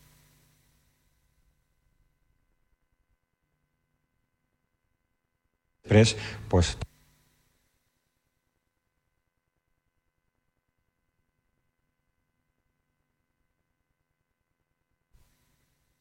també activitats de prevenció, de millora de la qualitat alimentícia, de millora del, dels hàbits eh, de vida quotidiana, que tot això, vulguis que no, el cos s'ha d'acostumar a tindre una vida una mica més saludable de, de la que lamentablement molts de nosaltres no fem doncs, pel dia a dia, per les obligacions de la família, per les obligacions laborals. Les dades amb les que treballeu és que al llarg de la seva vida un de cada dos homes, és a dir, el 50% dels homes i una de cada tres dones patirem càncer al llarg de la nostra vida. Ostres, són dades que com a persona de peu són una mica difícils de pair, però cal ser realista i dir-li a la gent les coses com són? Jo crec que sí, jo crec que, com tu dius, aquestes dades són molt cridaneres i espanten. Espanten perquè és evident que, que si aquestes dades eh, les expliquem fem veure la, a la societat que la meitat quasi de la població d'una forma o altra tindrà un contacte directe amb aquesta malaltia però jo crec que és bo que ho sàpiguen perquè eh, si ens amaguem si, si fem eh, ulls tancats i tanquem les orelles ens posem secs davant de la malaltia doncs no farem tot el que dèiem abans que teníem que fer no? el seguiment, el control, la prevenció. Per tant, són dades reals i el que ens ha de fer és eh, ser conscients de les mateixes i lluitar per canviar-les. I lluitar per canviar-les vol dir eh, fer el que hem dit al principi eh, quan parlàvem més de prevenció aquesta consciència també ens pot portar al final una mica a treure'ns la por que moltes vegades va associada jo crec a aquesta malaltia. A veure, és normal la por. Som humans i qualsevol persona té por qualsevol persona té por de determinades malalties i de determinades conseqüències d'aquesta malaltia. Però jo crec que no només explicar la malaltia, sinó explicant els mitjans sanitaris, els mitjans mèdics que hi ha per superar-la, veient els resultats de persones que ho superen, doncs ens hem de quedar amb això, no? Eh, és evident que tots coneixem gent dels dos costats. Gent que li han diagnosticat un càncer i lamentablement no ha anat bé, però també coneixem gent que ho ha triomfat i que ha seguit endavant i que ho ha superat. Doncs ens hem de quedar amb això. Comentàvem no, ara la consciència, la prevenció, però un altre punt molt important no, i que també feu des de l'associació és la investigació. Per nosaltres és fonamental. Eh, el càncer és una malaltia que és molt difícil erradicar-la. Encara sí que es, va, es fan molt, molts avanços, però encara falta una mica per acabar de descobrir com podem erradicar-ho. I jo crec que això només es fa estudiant, investigant, fent en recerca amb les professionals que es dediquen i que tenen molta més experiència en aquest àmbit i per això des de l'associació tenim una tercera pota que és la, la fundació que destinem molts i molts diners amb aquest únic objectiu, a fer recerca i a fer investigació. I nosaltres estem molt contents perquè mira, fa, fa dues setmanes o una setmana vam fer una roda de premsa també eh, per explicar que havíem poder, pogut donar ajudes econòmiques a dos investigadores d'aquí en la nostra província i per tant per nosaltres és fonamental i molt important. Això és una molt bona notícia, com també ho és, per exemple, diferents accions que esteu fent en marc del Dia Mundial del Càncer, no? També la setmana passada presentava una acció conjunta amb molts clubs esportius de la província, no? En què durant un braçalet eh, per visibilitzar la malaltia en els seus partits, de fet, per exemple, el Nàstic de Tarragona ja va fer-ho aquest cap de setmana passat. No sé, a part d'aquesta acció, què més teniu previst? Primer agrair això, agrair als clubs. Van tenir una resposta magnífica. La veritat és que en el moment que es van posar en contacte amb ells mitjançant les federacions, amb els clubs directament, la resposta que vam tenir és per agrair-la. En tot moment vam eh, manifestar la seva predisposició a poder col·laborar i bueno, ja hem vist els primers resultats. Aquest eh, passat cap de setmana ja hi ha hagut clubs com el Nàstic, com el Vòlei, que ja han lluït el braçalet de l'associació visualitzant, visualitzant aquesta malaltia i per tant nosaltres eh, des d'aquí agraïs-los agraïs la, la rebuda de la iniciativa i la participació. Què més farem? Doncs pues mira, ara el, el divendres farem un manifest a l'Ajuntament eh, perquè bueno, la gent conegui el per què estem, què volem fer i crec que és una forma de visualitzar-nos, com et deia abans, fent un manifest dirigit a la ciutadania i a la societat. Eh, què més farem? Pues farem, eh, seguim col·laborant amb determinats supermercats, eh, com pot ser el, el, el Clarer, el Consum, el Dia, l'Ametller, que podem fer arrodoniment en les compres perquè aquells diners que es fan l'arrodoniment es destinin a investigació, es destinin a recerca. Seguim amb, el, amb els clubs eh, completant eh, els partits en els quals lluiran el nostre braçalet per fer la visualització de, de l'associació. Doncs aquestes són les paraules del Fede Adan, que és el president de l'Associació contra el Càncer aquí a Tarragona. Hem parlat amb ell avui a la Furgo. Jo em quedo amb diferents paraules no? i conceptes que hem anat parlant que són importantíssims per no erradicar aquesta malaltia, que comentava és, és molt difícil, però sí que podem ser conscients, eh, podem anar al metge, podem cuidar-nos tots sempre, podem fer prevenció i sobretot investigar i visibilitzar la malaltia i acompanyar les persones que malauradament la pateixen. Moltíssimes gràcies, Fededan. No, gràcies a vosaltres per estar aquí amb nosaltres, per, per eh, acompanyar-nos, per deixar-nos sortir als mitjans de comunicació, que això és el que fa que tinguem, tinguem més ressò mediàtic i que podem enviar els nostres missatges. Moltes gràcies. Doncs moltíssimes gràcies i la Furgo per avui ja s'ha acabat, però ens veurem molt aviat a la propera. Adeu. Adeu, gràcies Cristina. Mm. des de, des de l'Associació contra el Càncer a Tarragona amb el seu president, amb el Fede Adan també hem parlat avui amb la Montserrat Loba, autora del llibre de la foscor a la llum per parlar de, del càncer que se celebra el diumenge, el Dia Mundial contra el Càncer. Recordin, aquest diumenge dia 4 eh, tots contra el càncer. I el carrer Major que s'acomiada fins demà eh, que tornarem a moltes més coses, cert, Aleix? Efectivament, Toni Mateus, últims segons d'aquest carrer major, però nosaltres tornarem demà amb més històries, amb més furgós, amb una mica més també de música amb la banda sonora. I res, Toni Mateus, un plaer haver compartit una nova hora més de ràdio amb tu. I a primera hora ja ho saben de 4 a 5 amb l'Anna Plaça i de 5 a 6 amb un servidor el Toni Mateos. Gràcies Aleix, fins demà. I a vostès també. Tot